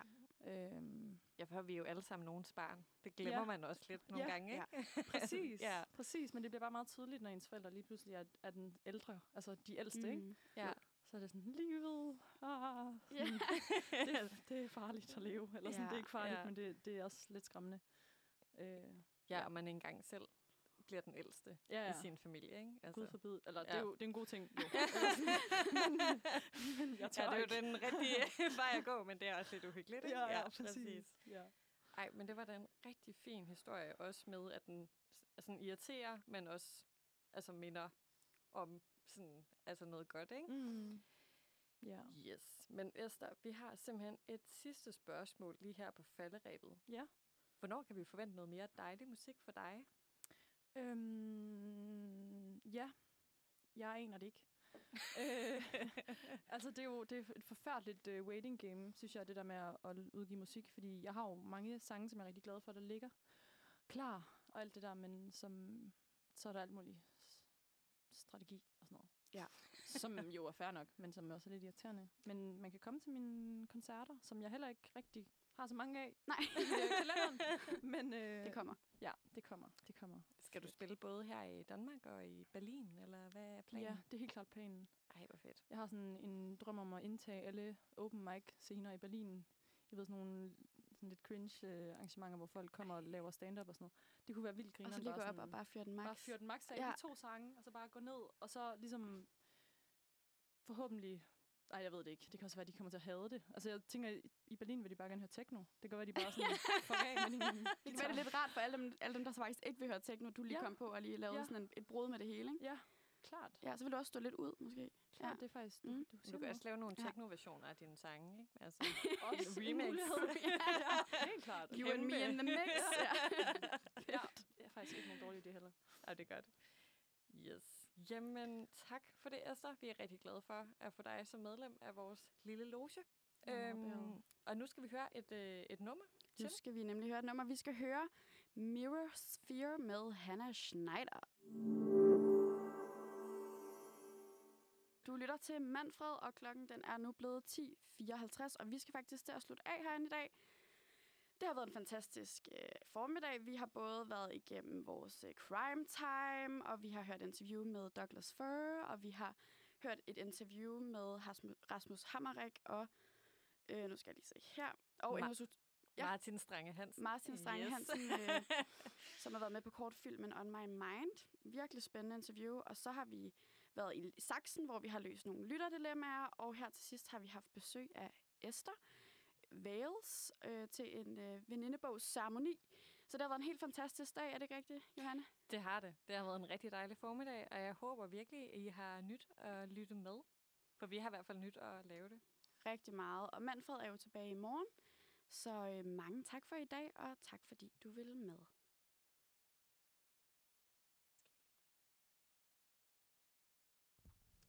Og øh, vi har lige lidt øh, tid tilbage. Det er Mathilde, der kommer ind fra højre.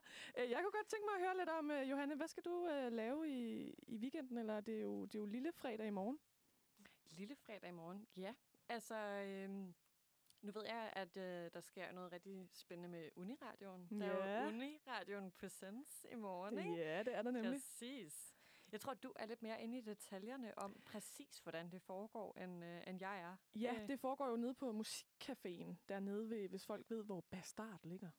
Så er det dernede, øh, bare lige en tand op ad trapperne, og så kommer man ind på Musikcaféen.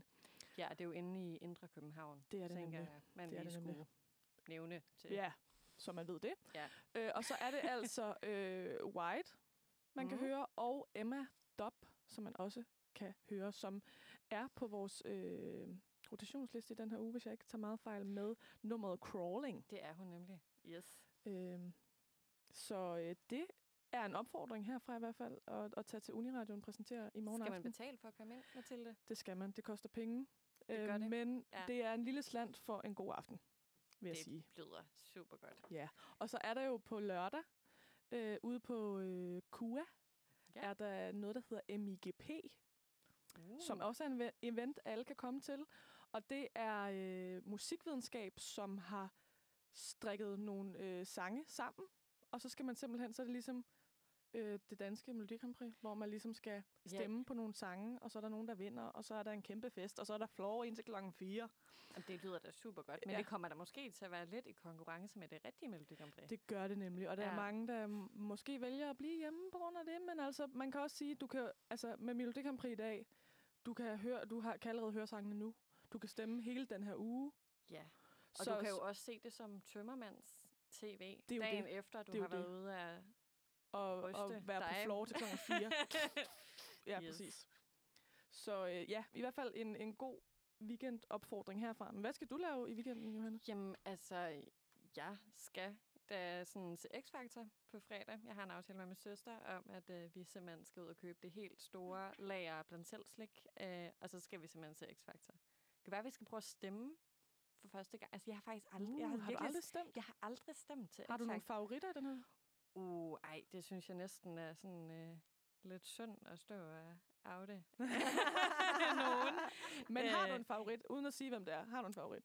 Ja, det har jeg. Mm. Det har jeg. Ej, jeg tror, at der er sagtens, jeg Eller har du flere? Jeg har flere favoritter. Mm. Jeg har flere, jeg vil være tilfredse med, hvis, øh, hvis vinder. Mm. Yes. Fedt. Og det, det er det eneste, du skal lave din weekend? X-Factor? Det, ja. Du skal ikke med til MGP? Men det kunne da sagtens være, jeg Ja. skulle lige hoppe med på den vogn. Ja, præcis. Det, Det kunne være så sjovt. hyggeligt. Ja. Det har ikke været siden... Øh, altså, det var den sidste fest, jeg nåede at være til, før landet lukkede ned Det er jo også lige sådan start Lige marts, ikke? Altså, nu er Mm. det jo snart to år siden. Øh, men altså, nej, jeg har faktisk aldrig været til det. Øh, men jeg er jo heller ikke fra KU. Jeg er jo rukker. Det er rigtigt. Ja. Men alle er velkomne, også hvis man ikke går på uni. Godt det, at vide. det vil jeg bare godt lige sige. Ja. Det er ikke, fordi man skal vise sit studiekort, inden man går ind. Ah, det er simpelthen ikke et adgangskrav. Nej, nej, nej. nej. Det er ikke sådan, RUK og øh, CBS, de er bandlyst. Nå, lige præcis øh, RUK og CBS må ikke komme. Nej, okay. Nej. Det er he- også helt fair. Det er I må heller ikke komme en- ud ved os. Nej, nej, det er jo altså, det. Det er jo så fint. Ja. Jeg, jeg, jeg går også altid sådan, når jeg skal i Frederiksberg går jeg også altid sådan meget stille forbi CBS. Bare sådan, uh, jeg passer igen, au, jeg passer igen, au, jeg passer igen, au, jeg passer igen. sådan bare for... Jamen, det ligger også sådan op på en bakke, ikke? Altså, Ja, man og det føler ligger- lidt, det er sådan, det er godt nok altså præsentøst. Ja, altså, det er en altså- vild be- beliggenhed. Men det er jo også bare min personlige fordom omkring CBS, fordi jeg ikke går der. Og jeg altså- kender faktisk mange rigtig søde, der går der. Det Altså, jeg ved ikke, hvad det er, jeg 100%. prøver at sige. Nej, nej, øh, altså, jeg tror at også- I er gode ude på CBS. Det er så fint. Jamen, jeg tror også bare for mig handler det om, at øh, altså, jeg er gået på RUK, som ligger ude på en mark ude ved Roskilde. Så det er måske bare en ligger misundelse af, at noget ligger centralt med Frederiksberg. Ja, Fra min det- side. det giver ja. god mening. Yes. Men i hvert fald, øh, det bliver en god øh, lille fredag i morgen, Det der. Uniradion præsenterer. Og på lørdag er der MIGP ude på KUA, som man også kan lægge vejen forbi. Og så skal Johanne se X-Factor med sin søster på fredag. Yes. Så det bliver ikke bedre. Så nu er der vel bare at sige, Du har lyttet til Manfred på Uniradioen. Du kan lyttes ved i morgen, øh, også fra 9 til 11. Øh, og øh, tak for i dag.